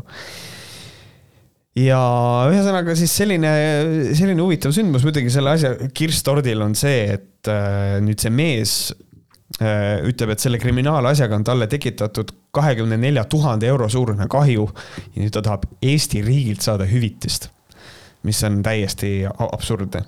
et noh, kõigepealt üleüldse mõisteti siis selle taksojuhile, kes on egiptlane, kaks aastat vangistust, sellest kolm kuud reaalselt mm. -hmm. mees võeti otsuse kuulutamisel mullu otse kohtusaalis vahe, vahe, vahi alla, vabandust, ja viidi türmi. ja siis oligi see, et eh, kakskümmend neli tonni tahan selle eest saada, mul on väga suur kahju eh, tekitatud ja siis mulle, mulle meeldis see arvselt kirjutatud. ringkonna kohtunikud Urmas Reinola, Sten Lind ja Heili Sepp leidsid, et egiptlase kohtuotsus tuleb tõesti muuta. Nad suurendasid mehe karistust kolmeaastase vangistuseni äh, reaalne kolme kuu pikkune vangistus jäi kehtima. see kuulub kandmisele tingimisi kolme ja poole aastase katseajaga. et vend hakkas nüüd kögisema ja siis talle pandi veel juurde, et selles mõttes on nagu aus mm. -hmm. siiski noh, taaskord äh, kolm kuud reaalselt vangis olemist selle eest, et ta otseses mõttes nagu vägistas nagu naist. et siin tuleb jälle see Andreaslik nagu ebaõigluse tunne, et nagu mida vittu. et, et, et vähemalt kolm aastat, kui mitte kümme aastat kinni sellise õudse teo eest, eks ole. kujutad sa ette, sa oled nagu, noh, sina ei kujuta ette seda, aga ma kujutan ette, et ma olen ennast joonud purju. mul on seda elus juhtunud korduvalt olen jäänud purju, lõpuks saan mingi takso peale, mõtlen lõpuks saan koju ära, ma olen jumalast sooda, eks ole. mul on halb ollagi isegi veel. ja siis ja siis tuleb mingi vend, annab mulle kuradi mingi suitsu, sa tõmban ühe kõssi ära ja järsku on mingi vend on mul, topib mulle riista suhu. ja, jah täiesti pöörane nagu, mul on halb olla, ma olen täis, mind kasutatakse abitult veel ära ka, mingisugune ja siis lõpuks aa ei, kuradi, ma tegelikult ei topinud terve ristu, ma lihtsalt tagusin ta peal pihku, mis on veel hullem, mõtle, mul on halb olla. ei no ei ole hullem selles mõttes, aga oh., aga see, see vaatepilt võiks olla ka päris hull, et lihtsalt nagu halb olla, vaatad mingisugune vend lihtsalt toob niimoodi mida vittu noh. ei no ikka noh, see, see on nagu räige lihtsalt. see on räige muidugi, see on absoluutselt räige. et äh, aa, väike nüanss, mis oli minu arvates, noh, ma saan aru, kogu see asi on hästi õudne, aga, aga asi, mis pakub mulle huumorit kogu selle asja juures, on see, et et, äh, et noh, ta on kohustatud äh, alluma kriminaalhooldaja kontrollile, ta peab osalema sotsiaalprogrammis, tal tuleb tasuda Eesti riigile üle kahe tuhande euro menetluskulusid, sealhulgas DNA analüüs, mis on minu jaoks nii naljakas, sellepärast et ta peab põhimõtteliselt Eesti riigile kinni maksma selle, et Eesti riigi palgal olevad inimesed pidid tema jobiga mingeid teste tegema. Ja just ta lihtsalt peab selle eest veel maksma peale. Ja see on minu jaoks nii fucking naljakas, et see on lihtsalt nagu well deserved, well deserved mm. -hmm. see, kas tal on, ta peab kinni istuma kolm kuud, kas see peaks rohkem olema, siin on, siin me hakkame nüüd rääkima jällegi äh, sihukesest terminist nagu õiglus. et me noh, et see on, siin on kindlasti väga paljudel väga erinev seisukoht. aga, aga mul on hea meel, et vähemalt kohus äh, karistas inimest, et nagu see on vähemalt hea, et mm, -hmm. et on aru saadud, et jah, see on vägistaja ja see märk jääb talle külge.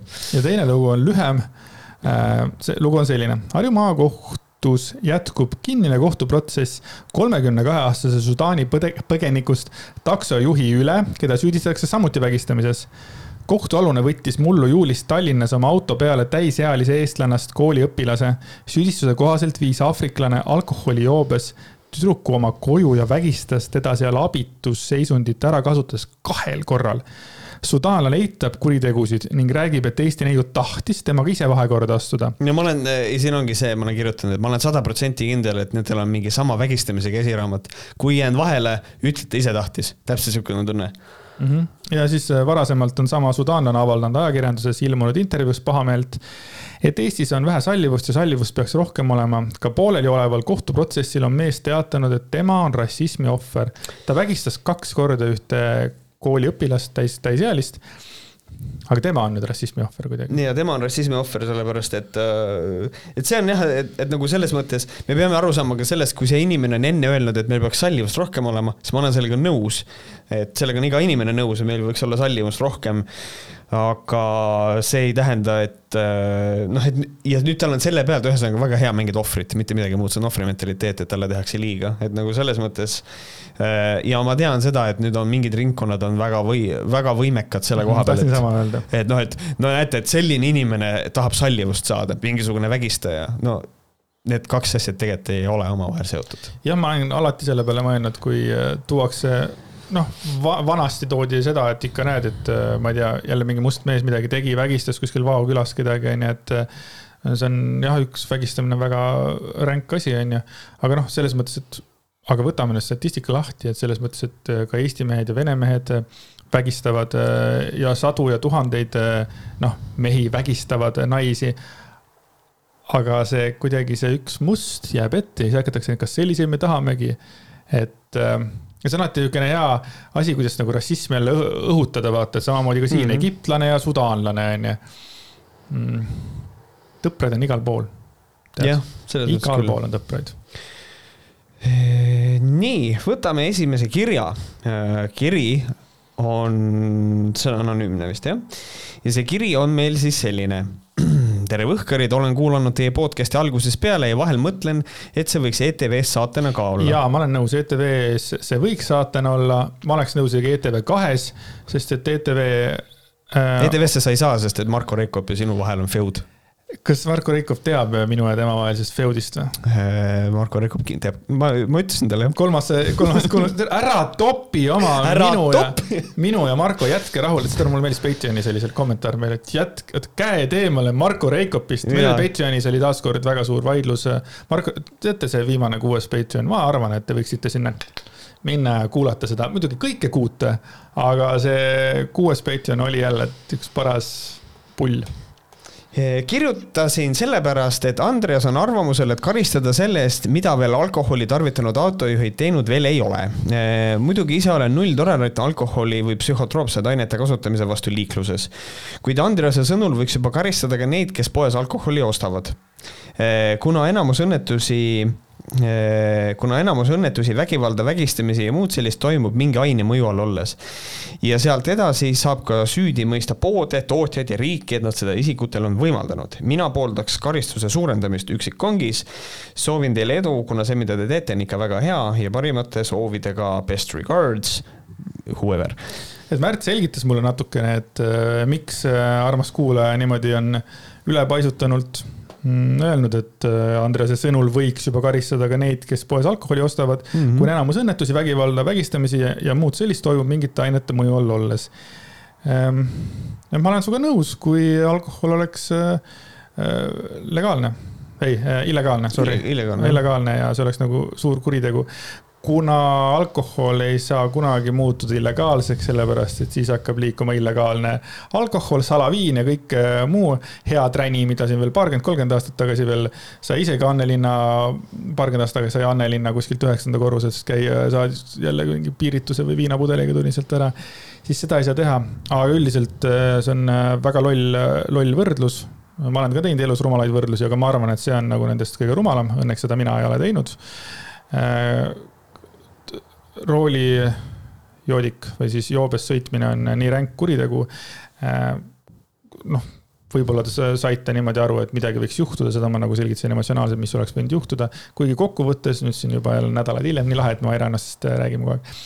et siin nädalaid ja kuid hiljem, siis äh, jah, ma, kõik taandub sellele, et karistused alkoholijoobes sõitmise eest võiksid olla kümme korda suuremad, ütleme niimoodi, et mm,. nagu ma olen seda kuskil varemgi öelnud, et äh, promillide kaupa kuni kuradi, ma ei tea, kolme promillini on kuradi viisteist aastat, noh, et niimoodi vaikselt minna. et see oleks nagu, et inimesed saaks aru, et äh, ma joon ennast täis ja lähen autoga sõitma, sellel on tagajärjed, kui ikkagi neid asju hakkab juhtuma ja on šokivangistused äh, väikesed ja siis on need äh, noh, suuremad, ütleme siis.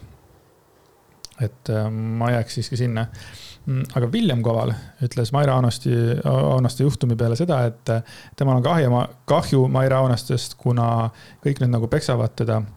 aga tegelikult me ei tea, mis Mairega tegelikult ennem juhtus ja et miks ta nagu alkoholi joobes sõitma hakkas.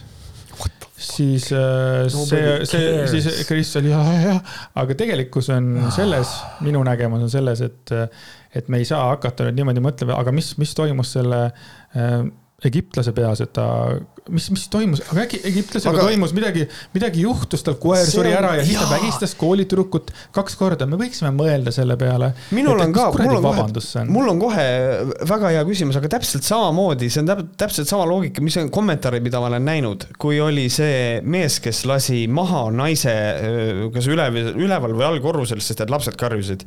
et aga, aga mis selle mehega enne juhtus? Ja täpselt samamoodi nagu oli kuskil äh, kuradi kortermajas, naine pussitas mingit väikest last mm. -hmm. ja, ja all oli kommentaar, et noh, ju need lapsed ikkagi pidid midagi tegema ja siis mul on nagu see, et jopp on, jopp Antonio, kas te nagu päriselt tahate mulle öelda seda, et laps on suuteline midagi sellist tegema, mis väärib pussitamist või? et nagu mingi asi viis selle inimese üle piiri. jaa, aga me ei saa mitte ühelgi hetkel käsitleda seda asja niimoodi, et äh, me otsime vabandusi, miks see inimene pussitas last. Jeesus Kristus, see on täiesti ebareaalne. et ähm, et siin on sellised, äh, et noh, see, on hästi veider mentaliteet, et me karistame inimesi selle eest, mida nad on teinud et nagu selles mõttes, et äh, see on põhjus, miks mina olen näiteks surmanuhtluse vastu, on see, et me ei saa karistada inimesi mõrva eest, juhul kui riigile kui institutsioonile on inimese tapmine äh, legaalne, see on minu jaoks, see on minu jaoks täiesti, see on nulliga jagamine minu jaoks, see ei ole loogiline. ehk siis minu jaoks ongi see, et me ei saa, me nagu, see ei ole oluline, vahet ei ole, kui inimene teeb kuritöö, siis ta teeb kuritöö. kui kui sul on inimene, kes tapab ainult mõrvareid, siis ta on ka mõrvar ja ongi, see on minu arust väga, väga, väga lihtne. tahaks korra puudutada ühe näpuotsaga Marti Kuusiku äh, kohtuprotsessi uh.. me teame kõik, äh, mis mm., tähendab, ma arvan, et ka kuulajad teavad, et oli ta Marti on ju, Marti Kuusik. Marti jah, no see Kuusiku mees tead küll. Kuusiku mees, et tema esimeses selle astmes ta siis nagu mõisteti õigeks mm -hmm. ja mhm. noh, vaatame, mis edasi saab, et nüüd siis see tütarlaps, kes siis oli see põhi süüdista või see, see, kus need jutud algasid või kuidas seda hästi nimetada, see saab praegu niimoodi peksa kommentaariumides. et minge lugege, seal on ikkagi põhiasi see, et mida see kolmas inimene topib oma nina sinna ja siis on tuhat viissada laiki. Kris, kui, kui sa näeksid, et üks mees peksab oma naist kas sa sekkuksid? kas sa kutsuksid politsei, ütleme, see toimub, sa oled paar korda näinud või, või no esimest korrast piisab tegelikult. kas sa kutsuksid politsei eh,? Chris... või, või türa, mida sa, mida sa topid oma nina sinna? Äh? kolmas osapool. et, et see on sama, et praegu, praegu on selliseid väikseid krisse on täis terve Delfi ja Sõnumilehe, Õhtulehe äh, kuradi maa kommentaarium ja kõik siunavad seda naisterahvast ja. sõnumileht türa, kui vana sa oled. no ma olen äh, sitaks vana perset. Äh, et selles mõttes on nagu väga hull see, et äh, tõesti kommentaariumites on sellest tüdrukust saanud rahvavaenlane number üks, onju, aga mm. mina, mina ütlen siit. mul ei tule hetkel su nimi meelde, aga ma tean nägu ja tegelikult ta nimi meelde, kui öeldakse. et ma toetan sind ja see on okei okay,, et sa nagu sekkusid sellesse, kui sa nägid, et midagi toimus aga mis on kõige olulisem, ma tahan ühe asja sulle ette lugeda. Äh, ka Varro Vooglaid ja Ahto Lubjakas äh, rääkisid Kuusiku protsessist kohe, kohe alguses oma viimases saates. ja Varro ütles sellise lause kohe alguses peaks rääkima lähisuhtevägivallast ja siis on fakt ka see, et homoseksuaalide vahelistes suhetes on lähisuhtevägivald kordades levinum kui naise ja mehe vahelistes suhetes. kõik, I rest my case hakati rääkima siis nagu väga nagu karmil teemal nagu lähisuhtevägivald ja siis nagu see, et kas Marti Kuusik on siis naisepeksja või ei ole, noh, see selleks. et noh, hetkel siis ei ole, on ju, võib-olla on, on ju. aga Varro esimese asjana pidi rääkima meestevahelisest vägivallast, homoseksuaalsete meestevahelisest vägivallast. tal on kuskil omad äh,, lobekas küsis ka, et kus sa nagu tead seda, ei mul on, ma saadan sulle lingid, onju. ta pisendas kohe nagu ta ja. kohe pisendas naistevägi, naiste vastast vägivalda, kohe, kohe, saad aru. see, ja see oli niimoodi, et no. But the gays see kuradi homod on Varro jaoks meiega, no sama, mis meil on Kris Kala, kogu aeg on hambus. et see on siukene kurat mm -hmm., okei okay.. ma lähen närvi praegu. jaa, ma olin täiesti, mul oli kõik, mul oli nagu, ma olin nagu blown away ja mõtlesin, et ma kuulasin ülejäänud saadet ja noh ma olin, selle ühe mõtte jälle, et nagu ku, kuidas sa, kuidas sa saad nagu, miks ma kordagi ei mõelnud. nagu jah, ma saad aru, see oli see, see teema on niivõrd nagu, nagu karm on ju, aa ja siis, ja siis peale seda, kui see, sorry, ma kohe jätkan mõtet, et siis, kui see homode teema oli ära, siis korra räägiti, et nojah, tegelikult, et ja siis järgmine on mehe ja naise ja siis alles kolmandal kohal on naise naise ja siis ta hakkas rääkima presidendist, kes peaks tagasi astuma, sest ta ja, ja ta ikkagi tuli sinna oma äh, pusaga seal, mis seal kirjas oli, sõna on vaba või sõda on rahu. Ja siis see oli nagu ja ta ja ta ja ta ja rääkis jälle sellest, kuidas, äh, kui halvasti Kaljulaid nagu, et ta nagu ei austa institutsiooni, vaata, käis selle pusaga. Kuidas me siia jõudsime, ma juba ütlesin mingeid saateid tagasi, et no vahet ei ole, mis siin ükskõik kes teeb, onju. aga see, et Kaljulaid pani ükskord pusa selga, see on elu lõpuni. Ja jälle tuli. Mm. homod ja Kaljulaidi pusa. jah, see on. Fucking. What a man, what a man. aga oli sul midagi selle Marti Kuusiku kohta veel öelda? Äh, jah, et, et üldiselt on äh, ta mõisteti õigeks esimeses astmes, aga üldine sentiment on see, et need asjad, millest teda süüdistatakse, juhtusid päriselt. ehk siis eh, otseseid tõendusmaterjale, mis seda tõestaksid, ei ole, aga lihtsalt ja see on igalt poolt nagu, see kõlab nagu läbi, et nagu need inimesed, kes on nagu tuttavad, need tegelikult teavad, et seal on vägivald, aga esimeses kohtuastmes mõisteti õigeks, jah. aga edasi läheb see asi ka, et, et me vaatame, et see asi ei ole veel üldse läbi, et vaat-, vaatame, mis, vaatame, mis saab. aga ikka ütleme, et veits nagu kurb aeg on. siin järjest nagu kõik jätised, eeldatavad jätised siis tegelikult järjest nagu pääsevad puhtalt ja ma ei tea nagu, mis nagu toimub praegu. ka, kas me peame vaatama kohtusüsteemi peale või, või ma, ma ei tea midagi kohtusüsteemist, selles mõttes, et ma ei tea, kas vaadata sinnapoole, aga kuskil on midagi on mäda. kuskil some, something's fucky, jah nii, võtame järgmise kirja, loen selle ette ka. muide, e, enne kui Märt hakkab lugema, siis see kiri, me teeme crossover'it, see kiri on tulnud meie, tegelikult meie Patreon'i haigushoo peale, kus me rääkisime Simeon, Simeonsi dieedist äh, panime seal korralikult. minge, minge, minge kuradi. Crossover episode ja, ja, ja ma mõtlesin, et see kiri tegelikult sobib siia praegu päris hästi. jah, sest et äh, saab seda, saab seda jagada inimestega. tere, armsad võhkarid, esmalt tahan kohe öelda, et te olete mu number üks podcast, keda kuulan. meie arusaamad ja mõttemaailmad on väga sarnased ja teie podcast on mingil määral isegi teraapiline, vähemalt minule. tegelikult oli üsna tihti teie saate kohta ka isiklik kogemus, arvamus, kommentaar, aga reaalselt maha istuda ja kirjutada on keerulisem ja hirmutama, hirmutavam, kui arvasin. kuid nüüd ma teen seda, sest tahan lihtsalt oma kogemust jagada selle kurikuulsa Simeonsi dieedi osas kirg minust, olen terve elu kaaluga maadelnud, võitlus algas lapsepõlvest, klassika. Eh, kui nii vanaema ja, eh, kui nii vanaema ja ema pidevalt sisendasid mulle, et olen nii paks teiste kõrval, mis omakorda pani mind veel rohkem sööma. nüüd Märt ütleb vahele, kõik vanemad, don't fucking do this. Eh, palun ärge tehke oma lastele niimoodi, et te ütlete, et sa oled nii paks ja sa oled nii õudne. Fuck you nagu fuck you. see on nii kohutav, kuidas ta ütles, et siis, et vanaema ja ema pidevalt sisendasid mulle, see on nagu see on nagu veel mingi teine level, et nagu tegelikult, et, et nagu. tead, mis selle nimi on, see on internaliseerunud misoküünia. see on see, kus kohast naised ise äh, suruvad edasi naiselike ideaale. täiesti pöörane ja ütlevad, et ma olen paks teiste kõrval. ma nüüd kõrva täiesti nagu mitte selle kirjaga seoses räägin ühe loo, et äh, ma nägin ükskord äh, ühte hästi armast videot, kus äh, ema ja siis üks väike tütar, et nad iga hommikune nagu sihukene asi on neil koos, et nad peegli ees ütlevad nagu iseendale, et, et ma olen ilus, I m beautiful, kõik see mm -hmm. asi, et nagu, et lapsest saadik nagu tõsta seda enesekindlust ja seda, et noh, kõik, kõike seda, mida Krisil näiteks ei ole, vaata ja, ja mulle õudselt meeldis see video ja ma hakkasin alateadlikult või siis teadlikult hakkasin oma tütrekesele sama asja tegema. põhimõtteliselt ma igapäevaselt äh, räägin ta või no ütleme, et, et, et meil on, meil on ilus, siis ta ütleb ilus. siis ma ütlen, meil on hea, meil on hea, meil on sõbralik, meil on hooliv. et ma proovin teda kasvatada äh, mis sellest välja tuleb või ei tule, onju, aga ma tahan, et ta teaks nagu enda väärtust yeah.. ja siis nagu ma, see ei ole, tähendab, selle loo point ei ole selles, et ma tahan tõsta ennast ülesse, sest ma sain selle idee kuskilt mujalt. minu point on selles, et ja siis on olemas kuskil vanemad, kes ütlevad oma lapsele, sa oled paks. äkki ütlevad, sa oled kole äkki ütlevad, et sa oled ka rumal. ja siis on küll niimoodi, et fucking maailm see on, see, see on üliäge ka ma, ma mõtlesin seda, et kui Andreas tuleb välja, Andreas on ka mingisugune üks nendest vanematest, räägib tütrele, meil on ilus.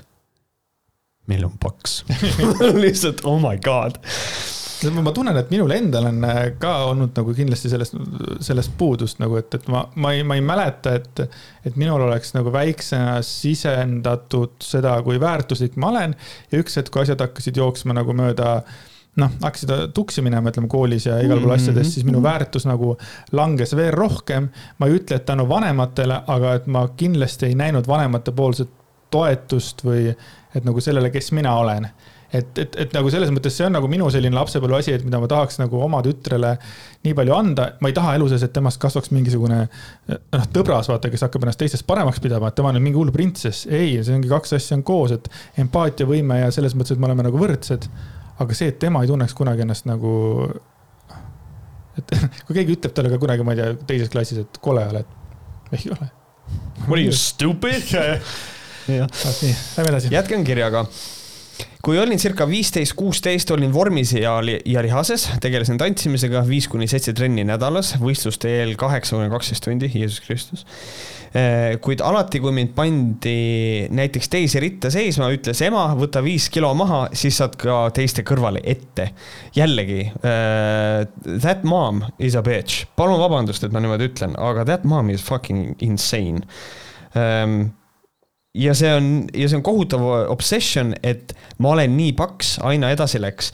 Simensi dieedini jõudsin ma kahe tuhande kahekümnenda aasta märtsis, kui algas koroona äh,. alles, vabandust äh,. karantiin äh, ei, ei, ma lihtsalt, ma lihtsalt äh, ütlesin, tahtsin hullult vahele öelda, et, et. Äh, et alles et, nagu, nüüd alles nüüd, et see on kaks tuhat kakskümmend märts, tegemist on täiskasvanud inimesena, kes langes Simeonsi dieedi. ohvriks. ohvriks, jaa, selles mõttes äh, alles ja, ja siin, ma jõuan selleni. kui algas koroonakarantiin ning inimene, keda ma armastasin, oli mind just läbi Messengeri maha jätnud. no mis tähendab, et, et oli ka raskem aeg, eks ole.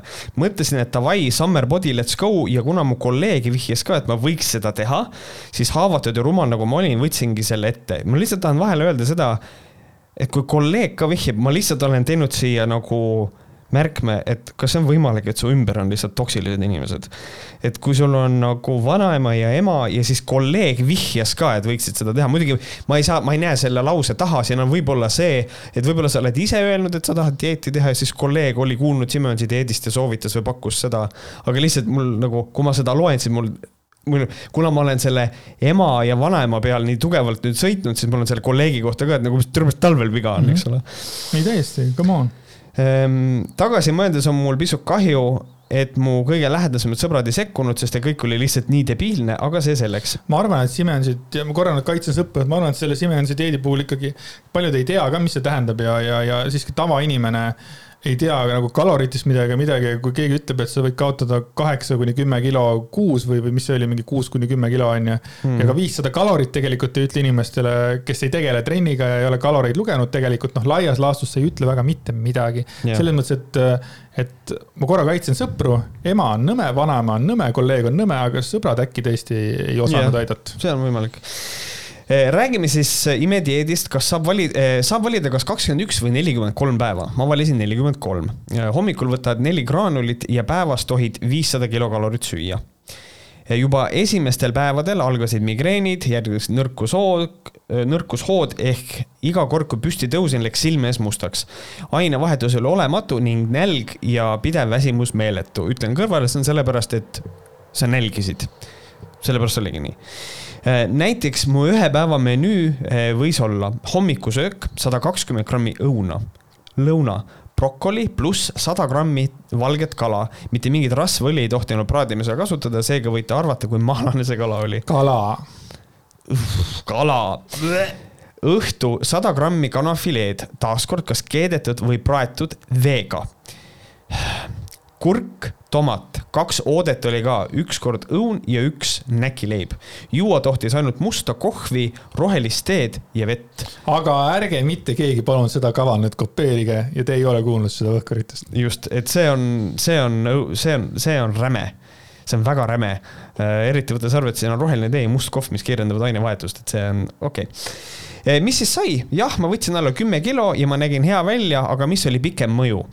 Eh, ma olin veel rohkem obsess toidust, sest nelikümmend kolm päeva järjest tundsin ma pidevat nälga. iga õhtu ma vaatasin tundide kaupa toidupilte ja tegin listi, eh, mida ma söön, kui see läbi saab. minu mentaalne tervis oli täiesti perse keeratud. isegi pärast dieeti, kui näiteks sõin šokolaadi, tekkisid ärevus ja paanika, et mida ma just nüüd tegin, kõik kaal tuleb tagasi, mis lihtsalt mulle kõrvale põiken, ütlen, see kõlab nagu täiesti reaalne toitumise liikumishäire mm. -hmm. kuna olen tot-, totaalne emotsionaalne sööja, siis tänaseks olen ma juurde võtnud circa kakskümmend kilo, sest hirm, et võtan juurde, tekitas ärevust ja paanikat ja seda parandas ainult söök. surnud ring mm, -hmm. jep ma olen üsna õnnetu praegu, kui peeglisse vaatan, keerasin pekki enda ainevahetuse, keha ja ka meele aga ma olen õnneks nüüd juba paar kuud olnud äh, uuel rajal, tasa ja targu parema iseenda poole, tervisliku ja toitva menüüga, armsa kaaslase ja toreda kutsubeebiga. kokkuvõtteks, nagu ka ütlesite podcast'iks, selline bullshit dieet peaks olema ke keelatud, see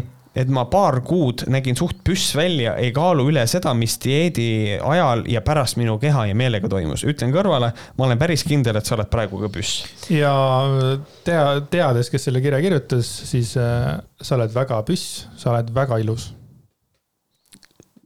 No, sul on juba rohkem infot. nagu, nagu päriselt see on vastutustundetu raha teenimise skämm, mida uskumatult sinisilmselt promotakse, kusjuures julgustatakse niimoodi mitut ringi tegema, et iga kuu, äh, et iga kuue-kaheteist kuu tagant võiks jälle teha jälle. uskumatu, loodan südamest, et ühel päeval selliseid ennast hävitavad dieedid, skeemid keelataks.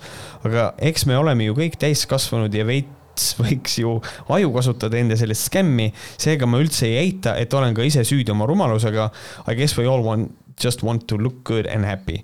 vabandan, et kiri nii pikk ja emotsionaalne tuli ning absoluutselt ei oota, et te peaks selle ette lugema. Well, lihtsalt tundsin, et nüüd on aeg oma kogemust teiega ka share ida eh, kuna see tuli teil jutuks, aitäh, et olete nii ägedad ja loodan, et teie podcast käib veel kaua, kaua, palju päikest ja toredust.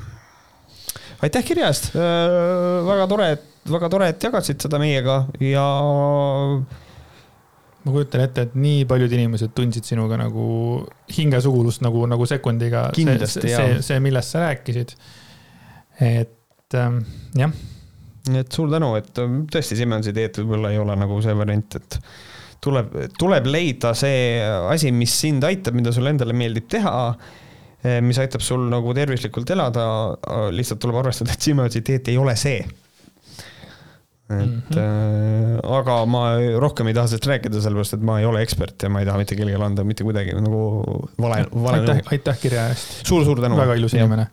Nüüd ma võtsin siia sellise teema ähm, mis natukene sai see, see mõte sai, miks see teema nagu on oluline, sai jällegi meie Patreoni osast, kus ma karjusin Maiko Reik-, Marko Reikopi peale ja, ja Maiko Reiki, Reikopi peale ja ütlesin, et äh, see on täiesti haige, kuidas ta lo loobib seda kihlveo kontorite ja fännide juttu ja mõjutab inimesi. ja siis mõned päevad hiljem tuli, äh, tuli siis Elu24-s selline uudis, et Malta eurolugu kandis pealkirja ja seda esitas kaheksateistaastane Destiny. Ähm, Destiny? Destiny. That's a woman's selle name. loo nimi, see, kuidas selle loo nimi oli, see, mitte I m not your joy, kui ta iga kord, kui ta ütleb selle, selle Malta loo, ma tahaks I m not your joy, I m not your joy. I m not your joy yeah.. aga kuidas see see on neta lugu. ja, ja, ja, aga see Destiny oli meenutas mulle nagu muusikaliselt äh, sarnane hästi võimsa häälega äh, kaunis tumedanahaline naisterahvas oli seal, kes laulis. Mm -hmm. ja, ja ta jõudis isegi kolmandale kohale peale žüriid vist oli või? väga kõrgel, kõrgel, kolmandal kohal just.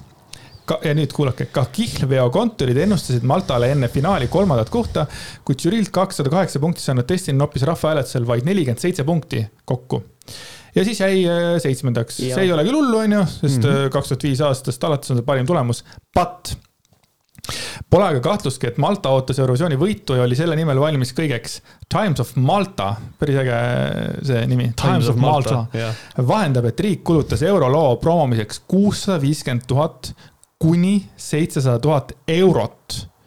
ja nüüd on seatud kahtluse alla, kas kõik raha läks et, ikka ette nähtud kohta ja kahtlustatakse, et ainult euroloo promomiseks mõeldud raha abil manipuleeriti aga Malta kohaga ennustustabelites. teisisõnu, osa summast kulus hoopis sellele, et kihlveokontorid ennustaksid Destiny loole suuremat edu, mis tähendab, see on jälle see äh, manipuleer-, mina saan sellest niimoodi aru, et see on see manipuleerimine, mida, mida minu arvates Marko Reikop teeb sellega, kui ta loeb ette äh, kihlveokontorite äh, neid ennustusi. ja nüüd me näeme ära, et see asi on räpane ja seda, mul on nagu hea meel, et see tuli praegu välja ja ma loodan, et Marko Reikop äh, tulevikus, Marko, kui sa mind kuulad, mul ei ole sinu vastu feud'i kui sa enam ei, ei ei kommenteeri seda, mis koha see laul saab või mida kihlveokontorite fännid ennustavad, vaid sa lased inimestel ise valida ja ise mõelda. kui tahab mingisugune Elu24 kirjutada, siis lasku käia, aga Eurovisiooni vaatab kakssada viiskümmend tuhat inimest, ma pakun. et, et ära mõjuta neid, mõtle, kui igal pool mõjutatakse neid. ja see on täpselt selline lugu lihtsalt, et see raha kulutatakse seitsesada tuhat, kuussada kuni seitsesada tuhat eurot kulutati lihtsalt äh, manipuleerimiseks. kusjuures ma tahan lihtsalt vahele öelda seda, et kes on äh, Patreoni kuulanud, siis tegelikult minul oli see seisukoht, et noh, et Marko võib öelda neid kihlveokontorite kohti, et mis vahet seal on, et inimene ikkagi mõtleb ju selle peale, et noh, et mis lugu talle meeldib ja kõike seda.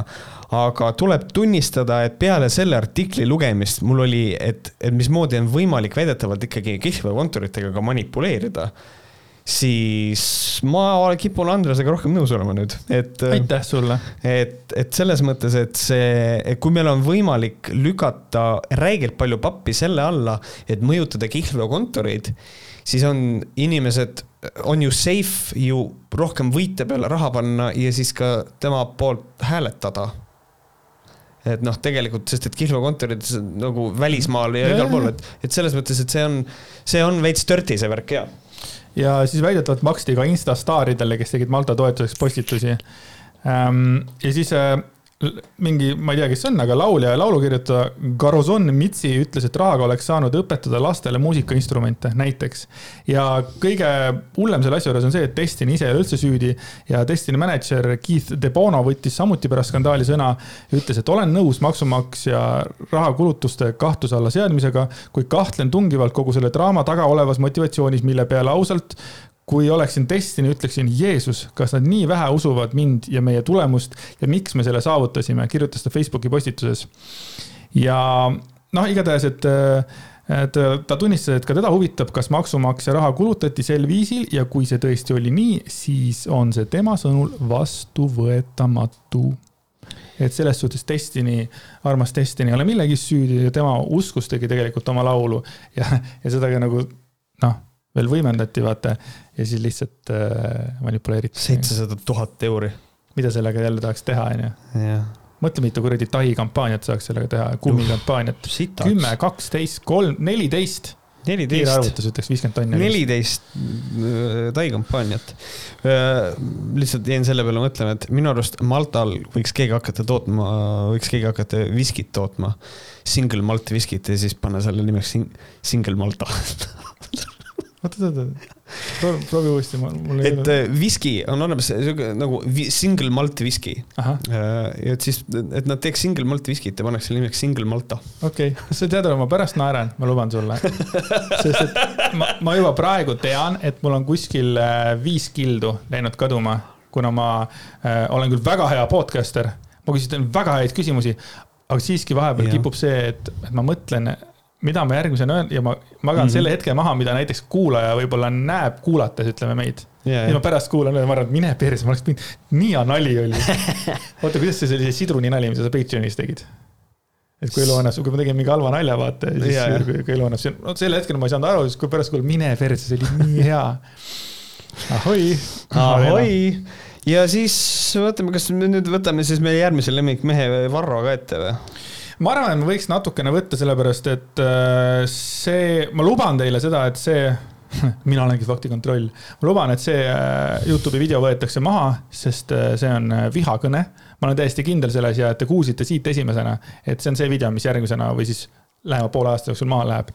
Kuidas nemad rääkisid, siis mm, kuidas see algas, algas sellega, et nad hakkasid rääkima roheliste petitsioonist homoabielu kohta siis mm. -hmm. ja hästi kiiresti äh, jõudsime sinna, et nad hakkasid lihtsalt äh, transinimesi, transinimesi lihtsalt trash ima. jah, nad lihtsalt hakkasid äh, põhimõtteliselt transsooliste lihtsalt peale sittuma, nagu neil on, nagu neil on kombeks teha ähm, siin on nagu hästi läbiv probleem on siin kogu nende tekstis, siin on nagu, sa oled mingid asjad välja toonud, et noh, ühe, ühe, ühesõnaga alustame siis sellest, et kui me oleme nii kaugele jõudnud, et ei saa aru, et inimesed jagunevad meheks ja naiseks, et ma tõstan kaks näppu ja küsin, et kas on kaks või kolm, no ei oska öelda, peab mõtlema, on ju, et nii ja naa et eh, mis nii ja naa, kas on kaks või on kolm, et ühesõnaga siin hakatakse, noh, hakkab selle soo teemal, see jant hakkab nagu pihta. esimene näide siis Varrol oli see, et ma tõstan kaks näppu ülesse ja küsin, et mitte on. ei no ma pean mõtlema, no et see, ma selgitan, et see on siis nagu see, et nagu, et noh, kuidas siis ja. nagu jah. mis, mis nagu, mis näitab fundamentaalselt seda, et ta ei saa aru, millest ta räägib, sellepärast et kui sa tõstad üles kaks näppu, siis me näeme kahte näppu ja sul on üleval kaks näppu. me ei räägi sellest, eh, et miks sul on kaks näppu, me küsime, mida tähendab näpp põhimõtteliselt ehk siis eh, täiesti julm suutmatus üldse mõista seda probleemi, millega meil ühiskonnas tegeletakse. ja lähen edasi, samamoodi kogu jutt, et sugu voolab ja virdeb ja muutub ja muutub, on psühhiaatriline kaasus. selles mõttes, et sa oled kaotanud täiesti elementaarse kontakti reaalsusega, mis ongi tegelikult hullumeelsuse tunnus, eks. et inimese arusaamine reaalsusest ei ole adekvaatne, ei vasta reaalsusele. reaalsus on üks, arusaamine reaalsusest hoopis midagi muud hullumeelne. ehk siis äh, see on kõige, see on kõige vanem solvang äh, transsooliste peale, super, super transfoobne ehk siis kui sa oled transsooline, siis see on mental illness, see on, see on kõige vanem solvang üldse nende inimeste pihta.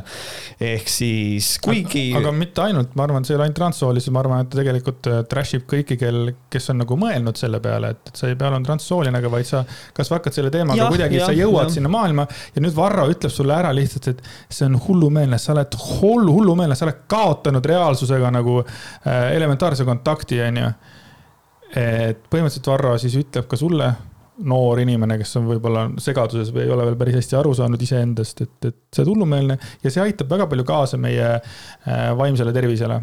aitäh, Varro just, et meil oleks rohkem vaimuhaigeid inimesi, et kes ei, kes ei julge rääkida endast, et nad oleks esimesed katki ja siis peaksid hakkama tegema kolmetunniseid Youtube'i striime. aga põhimõtteliselt äh, lähme siis kohe järgmise pointi juurde. kui sa ütled, et inimese sugu on mingi muutuv, voolav, volav ja virdav suurus, siis tegelikult sa oled hull, sa oled peast segi läinud ähm,. nüüd me peame siin kohapeal, ma tahan selle välja juht-, välja tuua selle, et äh, Varro ja Markus on absoluutselt kinni selles, mis on inimese bioloogiline sugu. bioloogiline sugu dikteerib nende jaoks totaalset dogma ja absoluudina selle, mis selle sooga kaasas käib. Ehm, nad ei mõtle kordagi selle peale, mis asi on gender ehk mis asi on sotsiaalne sugu. see ja see on palju-palju keerulisem, selle koha peal esitatakse küsimus, et miks naised peavad olema just nimelt sellised, nagu ühiskond nõuab, et naised on, kuskohast on sellised asjad tulnud, sellised äh, eeldused, sellised ootused, aga nemad ei tegele sellega, vaid nemad tegelevad sellega, et kas sul on, kas sul on XX või sa oled XY. ja siis, äh, ja see paneb nende jaoks absoluutselt dogmana paika, milline see inimene on. ehk siis nad on samal ajal, kui meie nagu oleme ookeanist otsime, otsime nagu kalu nii-öelda, eh, siis nemad vaatavad klaasitäit vett ja teevad selle pealt mingisugused järeldused, nad on noh, selle koha pealt nagu täiesti saamatud idioodid. ja järgmine point mm,. kuulake, see on hea sellepärast, et kuju, et sellepärast, et kujutad sa ette, et keegi tuleb sellise jutuga, et ma olen vist hoopis metskits. Et liik voolab ja virdab, sa oled inimene, aga tunned end kui metskitsena. nüüd käid ringi ja hakkad rääkima, et mina olen metskits ja seal nelja käpukil käid ringi ja liputad saba natuke ja ütled, et kõik teised peaksid ka sind hakkama käsitlema metskitsena, mitte inimesena. see on jällegi hästi transfoobne äh,, aga see on nii low grade, see on nii madala laubaga äh, transfoobia. ehk siis, mis asi on see sotsiaalne sugu ehk gender, see räägib inimese identiteedist ühiskonnas, sellest, mida tähendab meheks või naiseks olemine või, või see, kui sa oled non-binary, mida see tähendab, mis sellega kaasas käib, miks me ütleme, et mehed on sellised, naised on sellised sotsiaalses sfäärides? Äh, Metskitse võrdlus seevastu on sihilik tahe seda kõike mitte mõista ja naeruvääristada. meil on olemas siuksed asjad nagu förrid, ma tean, Varro ei tea förridest mitte midagi, kes meil, kellel meeldib loomariideid kanda ja kõike seda, aga mitte ühelgi hetkel need inimesed ei ürita ju meile selgeks teha, võib-olla mõned üksikud, aga siis, siis me läheme juba nagu, nagu äärmustesse, et nad on päriselt metskits, on keegi. et nagu sellega me tegelikult ikkagi ei tegele. ehk me ei räägi sellest, mis on, et inimese bioloogiline sugu on voolav, ei, me räägime sellest, et mida tähendab ühiskonnas naise-mehe staatus, mis sellega kaasneb ja et see on voolav. ja et see, kuidas inimene ennast tunda võib mingis olukorras naiselikuna, mingis olukorras mehelikuna. ehk siis ähm, see on minu arust Varro ja Markuse puhul totaalne suutmatus seda mõista. ja mina mõtlesin selle peale kohe, et küll nende vendadele ka oleks vahva viina võtta, et, et kujuta ette, mihukesed need vennad, Varro ja Markus, siis nagu milliseks nad muutuksid, ma nagu arvan või mõtlen, et kui nad praegu räägivad sellist juttu, teevad selliseid nalju, et metskitse, ma hakkan metskitsena kuradi ennast nüüd äh, tituleerima ja riputan saba. noh, kujuta ette, kui teil oleks mingi kolm bitti sees, oi, ma ei kujuta ette, mis sealt siis tuleks, kui te praegu inimesi võrdlete metskitsedega või noh, seda situatsiooni. nii, nüüd tuleb äh, ka üks minu lemmikuid, äh, ma lausa tweetisin selle ka. ajas pikkus. kui sa ütled näiteks, et mina olen kaks meetrit ja kümme sentimeetrit pikk, no see ei vasta lihtsalt tõele. sa ei ole kaks meetrit, kümme sentimeetrit mina näiteks olen meeter kaheksakümmend seitse, meeter kaheksakümmend kaheksa ja lihtsalt objektiivselt see ei vasta tõele. sa võid ise ette kujutada igasuguseid asju, et sa oled Napoleon või mingisugune muu asi, see lihtsalt ei ole nii reaalselt. see on huvitav, et nad mängivad kogu aeg ühe ja sama asja peale, nad toovad nii sittasid näiteid, et see on täiesti uskumatu. me saame mõõta ära, kui pikk on inimene ja siinkohal peal on väike märkus ja kusjuures tegelikult eh, mõõtmine on ka tegelikult inimeste välja mõeldud süsteem, mida mm. me kasutame, et selle peale, et nagu get your mind blown around that on ju. aga, ja me saame inimese ära mõõta, kui pikk ta on ja selle faktina esitada, see inimene on nii pikk mm,. ja nüüd, noh, et mis sellega kaasneb, kui inimene on nii pikk, eks ole, ja nüüd küsime seda mis kaasneb sellega, kui inimene on mees või naine. ehk siis millegipärast meil on niimoodi, et kui sünnib naine nii-öelda, et äh, ta on bioloogiliselt naine, siis sellel naisel tekivad sotsiaalsfääris teatud eeldused, no eriti Varro ja Markuse puhul. Äh, ta ei peaks käima tööl, ta võiks saada naisi eks ole. ta võiks saada lapsi, jah, mitte. samas pohhui praegu. samas pohhui praegusel hetkel. Nemad seda ei arva. Nemad seda ei arva, aga, aga ühesõnaga aga naine naisega on ju nõme, nagu Kris ütles. jah, just. kuigi ja siin kohapeal nüüd ongi nagu see, et aga miks on niimoodi et naised peaksid olema kodus ja saama lapsi. millest tekib see sotsiaalne surve, et nad peavad elama sellist elu? ja nüüd ürita mulle selgeks teha, kuidas see pikkusega see asi samamoodi on. no minu arvates see on väga naljakas, sellepärast et sa küsisid äh, saateid viis kuni kümme tagasi, et ma tahaks teada, kui pikk on Varro Vooglaid. ja nii, kui ta nagu ütles ära seda, et, et mina ja. olen näiteks meeter kaheksakümmend seitse kuni või meeter kaheksakümmend kaheksa, äh, siis ma kohe olin niimoodi hmm Twitter lahti, ebaoluline fakt number üks. Varro Vooglaid on üks meeter ja kaheksakümmend kaheksa sentimeetrit. ma kujutan ette, et paljud said palju targemaks, et äh, me teame, kui pikk on Varro Vooglaid ja see on päris lahe. ta on nii lühikene. ma arvasin, et mina arvasin ka, et ta on pikem, sest ta tundub ja. alati selline nagu koljatane, aga see vend on must neli pool senti või viis pool senti lühem. tead, kui, tead, kui palju ma arvasin, et ta on või? kaks. kaks kümme. mina arvasin, et ta on kaks kümme, tuleb välja, et ta on oluliselt lühem. ehk siis ühesõnaga, et, et nagu võrrelda seda, mismoodi me oleme, võrrelda eh, kokku lepitud mõõtmise süsteemi siis sellega, mis on inimese bioloogiline sugu ja siis seda võrrelda sellega, milline on inimese sotsiaalne staatus, tema soo, läbi tema soo, siis fuck you, you don't, you don't get the problem.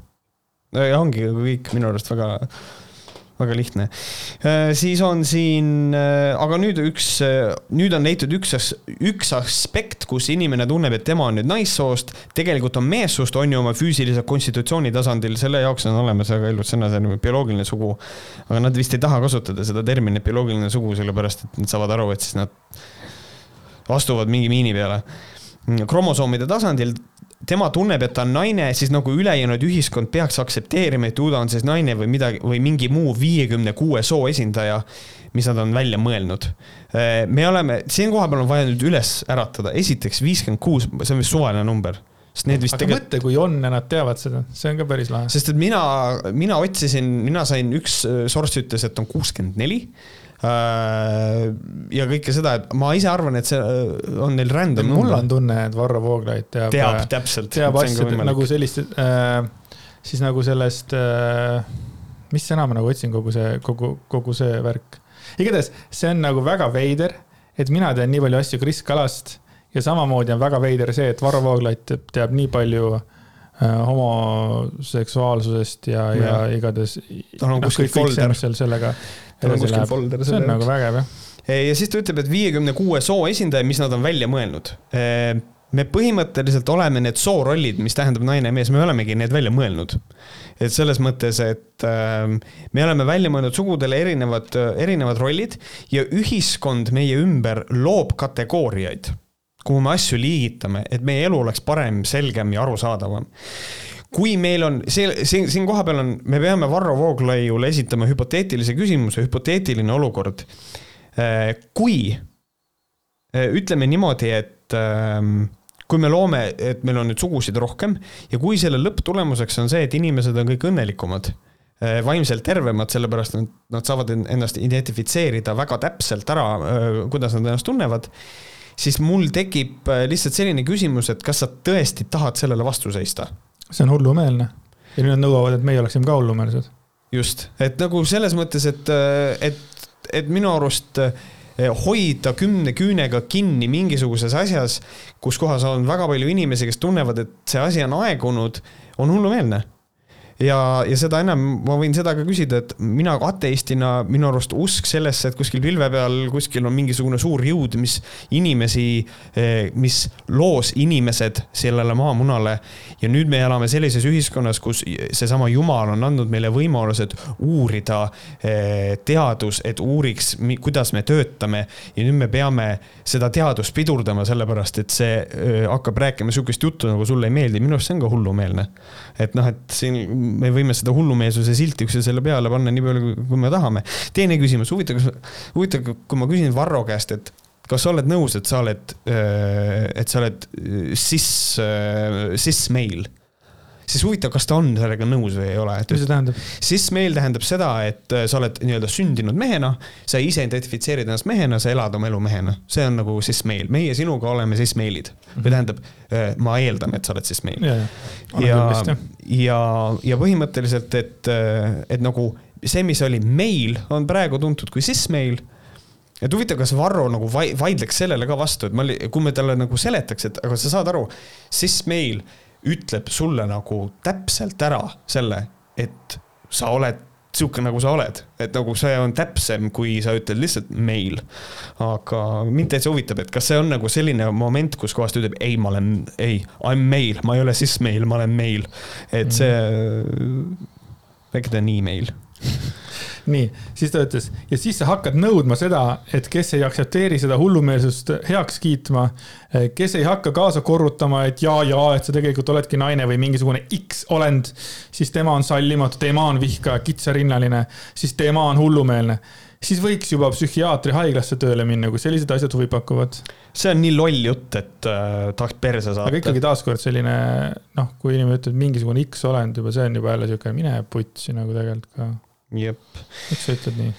nõutuks teeb selline asi lõppude lõpuks, kui siiamaani välja nagu perekond ja abielu. sa ei saa aru, mis asi on perekond, sa ei saa aru, mis asi on abielu, mis asi on ema, mis asi on isa, lapse loomulik õigus emale ja isale noh, hullumaja. ühesõnaga, neil saavad argumendid otsa, siis nad hakkavad rääkima, et mis asi on ema, mis asi on isa. mis asi, mis asi? nagu. kes on ema, kes, on isa, võiks tegelikult just, öelda, kuidas sa ütled, mis asi, asi? kes on isa? ema ei ole asi, isa. Äh, seda enam, et emad ja isad ei kao ära, äh, lastel võivad olla lihtsalt emasid kaks ja isasid kaks või nagu keegi üt-, nimetab ennast isaks ja on lapsel isa eest võime kasutada lihtsalt sõna vanem, aga noh, see on oh no no no, sellepärast et lapsel on loomulik õigus emale ja isale. ja kui me puudutame sihukest asja, mis asi on loomulik õigus, siis ma ei tea enam, millest nad räägivad, see on mingisugune nende välja mõeldud termin. mis on huvitav, sest et nemad on mingite teiste välja mõeldud terminite vastu, aga siis, kui nad räägivad loomulikust õigusest, siis ma ei tea, keegi on selle ka välja mõelnud. kusjuures ma olen ka üli ma olen nii tundlikuks läinud ja taaskord täiesti suvaline asi, Pere ja Kodu artikkel, kus räägiti sellest, et kui lapsel midagi äh, hingetorru läheb, on ju, et kuidas siis äh, äh, seda välja saab, on ju. kõik oli seal kirjutatud, kõik mm -hmm. oli chill, kirjutati ja näidati videosid ja see oli nagu väga õpetlik, ma vaatasin ka ära ikkagi, et noh, igaks juhuks, you never know, on ju ja siis seal oli nagu lause, üks, üks, üks arst oli siis öelnud, et ja siis noh, kui see on ära tehtud, kui see ei toimi, siis lase ema helistab üks, üks, kaks mis on üks, üks, null või üks, kaks, mis see number on praegu? üks, kaks, kiiremini. ja siis oli mul ka sihuke tunne nagu, tõstsin käed ülesse. aga miks see võiks seal olla vanem? Ja. nagu just saying, miks, miks ema, ma pigem arvan tegelikult, et, et ema on see, kes saab selle jamasid kurgust välja kui isa, et isad on mm., ma üldistan ainult enda pealt, et isad on veits nagu äppumad selles suhtes, minu peres küll äh,. Lemmeliis on nagu vau wow,, tema oskab kõiki asju, teab kõiki vastuseid. mina, mul, mul ei ole neid vastuseid, asi on, et ja siis las ema helistab äh, sinna, üks, üks, kahte eh,. vanem, jääks vanem. vanema juurde, miks vanem, mitte vanem et.... mulle ei meeldinud see vastus ka, mis sa said, et statistika. et ma, nagu... ma, ma ei viitsinud seda, see tundus mulle lihtsalt nii loll, mis statistika sa räägid. oota, küsimus sulle nüüd, ma, ma ei lasku argumentatsiooni, aga mis statistika? et nagu emad siis helistavad, ta mõtles et emad helistavad rohkem siis ei, et, sellepärast või? et lapse eest hoolitseb statistiliselt tõenäoliselt rohkem emasid. aga, aga see ei olnud minu äh, argument. absoluutselt, jaa see on, äh, see metadiskussioon juba, et see on mhm. sihuke. sellist jah, ma isegi ei viitsi. nii, lähme edasi, on kaks tasandit, üks on see, et sa oled äh, ise hull ja siis nõuad, et mina peaksin ka hakkama mm. arusaamatu, aga lähme edasi. meil on terve põlvkond peale kasvanud, kellel ei ole tegeleda tõeliste asjadega, kes peavad oma endale maailma välja mõtlema. Nad ongi mõelnud endale maailma välja ja nad nõuavad nii, nagu nõuab selline pirtsakas kasvatamatu pangerjas. nõuavad oma väljamõeldud mulli aktsepteerimist, heakskiitmist ja nende karistamist, kes seda mulli heaks ei kiida ja seda suure suuga takka ei kiida. mul tekib kohe küsimus. okei okay,, ütleme, et sul on õigus mis see lahendus on, kuidas me loome sihukese maailma, et, et oleks inimestel, et oleks põlvkond, kellel oleks vaja tegeleda eh, tõeliste asjadega. kuidas me seda teeme? sest et see on minu jaoks siin see, see probleem, mis vajab tõestust. ehk siis, mis need tõelised asjad siis on, millega me peame tegelema, Varro, Markus, need tõelised asjad? äkki, äkki nende lapsed nagu hakkavad tegelema tõeliste asjadega ja me äkki ja. näeme seda, et võib-olla üldised inimesed ei oskagi kasvatada oma lapsi et äh, nüüd ta siis nagu pange siis... meili meile see. et mind täitsa huvitab see, need tõelised asjad, millega tegeleda. kes peavad endale maailma välja mõtlema. jah, et nagu me kõik. ma olin nii üllatunud, kui ta ütles. keegi mõtles jumala ka välja, saik äh, siis ta ütles, et nad ongi mõelnud endale maailma välja ja nad nõuavad nii, nagu nõuab selline pirtsakas kasvatamatu. ja ma olin täiesti kindel, et ta ütleb mingisugune plikatirts või midagi taolist, aga ta ütles põngeres, nii et seekord punkt minu arvates oli Markus, kes ütles, et tema tegi tege-, tema tegi õigesti, ta ütles põngerjas, mitte ei öelnud äh,, ma ei tea, plikatirts või midagi taolist, et yeah. ta nagu tubli. see on I give you that ähm,. ja nüüd siis see viimane äh,, et ta on palju alandavam, kui suruda peale kommunistlikku ideoloogiat, sest kommunismil on vähemalt mingisugune intellektuaalne oreool asjal juures ma olen väga huvitatud sellest mõttekäigust, äh, väga, väga, väga huvitatud, et sa seletaksid seda intellektuaalset oreooli ähm, täitsa olen huvitatud. Äh, meil on mingisugune idee võrdsusest, ühiskonnakorraldusest, aga mis siin on, siin nõutakse, et sa kiidaks heaks seksuaalperverssusi. me räägime loomuvastastest seksuaalpraktikatest, on ju. väga lihtne näide. kaks meest räägime praegu sotsiaalsetest äh,, ei räägi, räägime si-, mul tuli praegu veel parem näide. nii, veel parem, kaks meest seksivad. kas see on loomuvastane seksuaalpraktika? Varro ütleb, muidugi on. Markus ütleb, muidugi on. ja üks neist on äh,, aga üks nendest tunneb, et ta on non-binary, aga ta sündis mehena.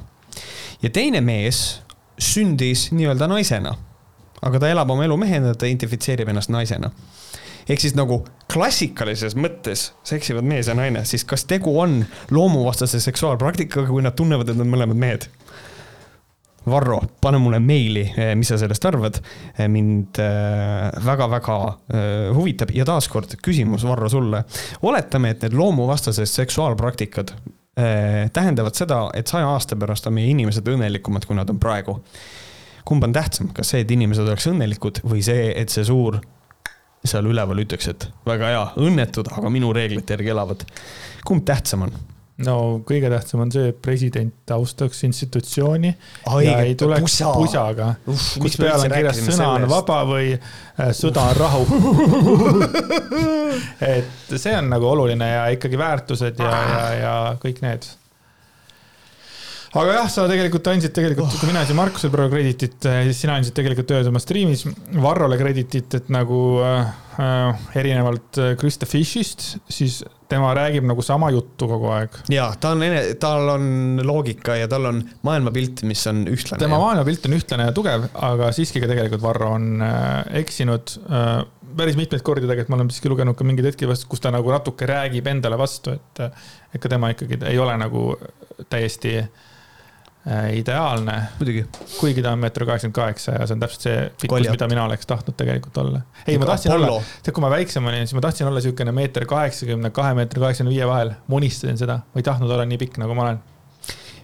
mina tahtsin olla vähemalt meeter kaheksakümmend. ja palju sa oled? meeter seitsekümmend üheksa ja see seitsekümmend üheksa said täis ja siis mõtled, nüüd tulevad ja nüüd tuleb hea aeg. siis see lihtsalt lõppes otsa, et ühesõnaga, et see on äh, minu, minu pikkus läks küll niimoodi, et aga see on, see, see on naljakas, et äh, elu oli nagu, Märt, go fuck yourself. sada seitsekümmend üheksa, rohkem ei saa, fuck you. et ühesõnaga no,. mõne annab, mõnelt võtab. sulle andis hea näitlemisoskuse mis on ka küsitav, aga ma aga, loodan. kas et... tegelikult ju noh, sa võid ju öelda, et sa oled siiski hea näitleja, sa tead ju enda väärtust. ma muidugi, mina tean enda väärtust, ma tean, kui fucking hea näitleja ma olen äh,. muidugi. mul sõber, me tegime siin sõber Jüriga tegime sauna siin mingi paar päeva tagasi. kas, kas te olite saunas või te ehitasite sauna? me olime saunas, siis me käisime väljas äh, jahtumas, siis tegime uuesti sauna, siis käisime väljas jahtumas, siis tegime sauna, me jõudsime mingi kolm pool tundi sauna teha okay.. ja siis äh, Jüri küsis mu käest, et kuule, aga kas Märt ei karda, et kõik need tema need, need äh, sõnavõtud nagu tema karjääri võivad hävitada või? Ja siis ma ütlesin talle seda, et aga, et, et ta noh, et ta ei karda, et Märt ei karda midagi. ja tegelikult minu jaoks ju tegelikult saigi Märdi karjäär, noh, minu jaoks sai alguse Savisaare protsessist. mis tähendab, et tegelikult minu jaoks oli ta ennem arvamusliider või siis arvaja ja siis näitleja, mis tähendab, et, et mm., et ikkagi Märt võetakse nagu näitlejana mitte nagu selle, mis ta nagu ütleb. kas mul on õigus? Äh, nojah, see, ma olen sellel teemal rääkinud ka, ma olen täiesti kindel, et äh, mingitel hetkedel on keegi kuskil, võib-olla praeguseks hetkeks ka otsustanud, et ta minuga koostööd ei tee. et ta mind näitlejana ei taha, sellepärast et ma olen öelnud asju, millega ta nõus ei ole ja selle asemel, et sellel teemal vinguda, ma ütlen seda, et tal on selleks absoluutne õigus ja, ja noh, ja kui ta tunneb, et tema töö on niimoodi parem, siis sure. Mina lihtsalt olen alati seda meelt ka, et kui sul on vaja näitlejat, siis ära unusta, et platsil ma olen alati näitleja, et isegi kui sa ei ole minuga nõus teatud asjade puhul, siis on minu arust väga imetlusväärne, et kas režissöör või lavastaja suudab minuga tööalaselt professionaalselt suhelda, näiteks väga konservatiivne inimene, aga ta tahab, et ma oleksin näitleja et see on ka talle ilmselt nagu väljakutse, aga ma olen kindel, et see on mõjutanud asju äh, kindlasti. aga ma olen su käest kunagi küsinud, ma igaks juhuks küsin uuesti, et on mõni roll, mida sa oled väga tahtnud, aga sa ei ole saanud ja sa oled olnud kurb või pettunud? Eh, ma ei tea ühtegi rolli, mida ma ei ole saanud, eh, sest et ma ei kuule nendest. Eh, ma olen elus käinud ühe korra casting ul, kus kohas ma käisin O2 casting ul, ma ei saanud sinna rolli. ja see oli nagu tore, et ma olin nagu hästi kurb ja siis, kui ma ei eksi, see oli kas järgmine või ülejärgmine päev, kus mulle helistas Ergo Kuld, kes on talvefilmi režissöör, ütles, kuule, teeme filmi et asjad nagu loksusid kuidagi selles mõttes nagu paika. aga üldiselt ma ei nuta taga nii väga asju, mida ma ei ole, ei ole saanud ühel või teisel põhjusel teha. ei ole mõtet lihtsalt. okei okay., üks küsimus tuli mul veel pähe. kas sa muretsed ette? ja ikka. muretsed ette? ja ikka ehm, öösiti ei saa magada, tihtipeale on see äh, mingisugune asi, noh näiteks kõige parem asi, näiteks isegi auto läheb ülevaatusele, ma ei saa magada öösel. Äkki on mingi jama raisk, ma olen isalt pärinud selle, mul on isa täpselt samasugune, tal on öö magamata kohe äh,. ja emal ka tegelikult siin, ema sai hiljuti ühe uudise ja siis ta ei saanud jälle magada ja, ja siin, et äh, muretsen ikka ette, ma leian, et see on ka nagu normaalne, et äh, et ikka eh, on ootusärevus. kuigi tegelikult öeldakse, et ära muretse asjade pärast, mida sa ei saa muuta, onju. Mhm. et see on üks selline. hästi lihtne asi, mida öelda. minul oli ka, täna oli selline öö, et, et mul oli eile hästi raske tööpäev ja ma muretsesin nii palju selle tänase tööpäeva pärast, et ma magasin hästi halvasti, pluss ma kell neli oli jälle silm lahti. et ma olen täna neljast üleval olnud, eks ole, ma full blown tunnen, et ma olen surnud lihtsalt mm. -hmm et äh, mul on hea meel jälle kuulda, see on, see ei ole esimene kord, kui mul on hea meel kuulda, et sina ka millegipärast muretsed. sellepärast, et iga kord, kui sina näitad ennast inimesena, tunnen ennast mina natuke paremini. ma tunnistan ausalt, minul on vaja inimlikke inimesi enda kõrvale, sest et mind ei motiveeri inimesed, kes on kartmatud, kõige tugevamad, kõigega hakka saama, hakkama saavad, vaid mind motiveerivad inimesed, kes tunnistavad enda vigu, räägivad enda, ma ei tea, hirmudest ja ja julgevad olla need, kes nad on, et nad ei pea maskiga olema kogu aeg. jah, sest et kui sa näed inimest, kes on ideaalne, siis sa kipud seal nägema võib-olla selliseid asju, millele sa võib-olla ise tunned, et fuck, et ma ei vasta sellele või ma või, või noh, et sa näed asju, kuhu poole sa peaks küündima, aga selle asemel, kui sa näed, et inimesed, kes tunnistavad vigu, siis nad on samasugused nagu sina, et nagu see on, ma saan sellest väga hästi aru aga suured tänud meie kõikidele kuulajatele. eriti kõigile neile, kes väärtustavad meie saadet. just kõik, kes väärtustavad meid, kas te olete me Patreonid või ei ole, ma sooviksin, et oleksite, sellepärast et äh, me oleme seal ja me tahaksime, et oleksite koos meiega mm.. aga kui te ei ole, siis see on ülilahe. iga klikk. Still love you. ja iga klikk, mis tähendab, ma, ma korra tulen selle kala teema juurde selles mõttes tagasi, et ma mäletan jumala hästi, kui ma tegin oma esimese elu esimese podcast'i ja esimese nagu osa, Erilasepesa esimene osa tuli välja, onju. ma ei teadnud üldse, mida oodata, onju, ja siis, kui seal oli mingisugune kakskümmend kuulamist, mul oli niimoodi oh my god, või kui, kui, kui oli see kaks kuulamist, see oli vau wow,, keegi kuulas mm. -hmm. see oli, saad aru, see on nagu, see oli nagu, see oli mu unistus, saad aru, see niinimetatud raadiosaadet hakata tegema. ja see kuulas ja siis tuli, oli viiskümmend inimest, siis mingi hetk oli juba, ma mäletan, mingi kakssada, siis ma arvan, mäletan, et Märt Koigiga äh, episood oli üks hetk, äh, oli kõige kuulatum, siis seal äkki tuli mingisugune viissada, kuussada tolleks hetkeks neid kuulamisi mm. -hmm. see oli nii suur asi see on nagu nii suur asi, et on olemas inimesi, kes kuulavad ja noh, ja, ja ma ütlen veel rohkem, et need, kes tegelikult äh, ka tahavad nagu selle panustada rahaliselt, aga need, kes oma aja annavad nagu sellesse, mida mina ja sina ja, ja tegelikult Kris räägivad ja siis lihtsalt on üks vend, kes teeb. Te olete parasiidid nahku mm. -hmm aga see, see, see, ärge kontekstist välja, te olete parasiidid nahku. Te olete parasiidid raisk. võhkarid.gmail.com, õ on kuus äh, ja www.patreon patreon.com, kaldkriips Vohkarid. Äh, Twitteris, et äh, Mart Koik ja mina olen Andreas Jaager. ja muud asjad on pohhui muud asjad on, muud asjad on vist pohhui.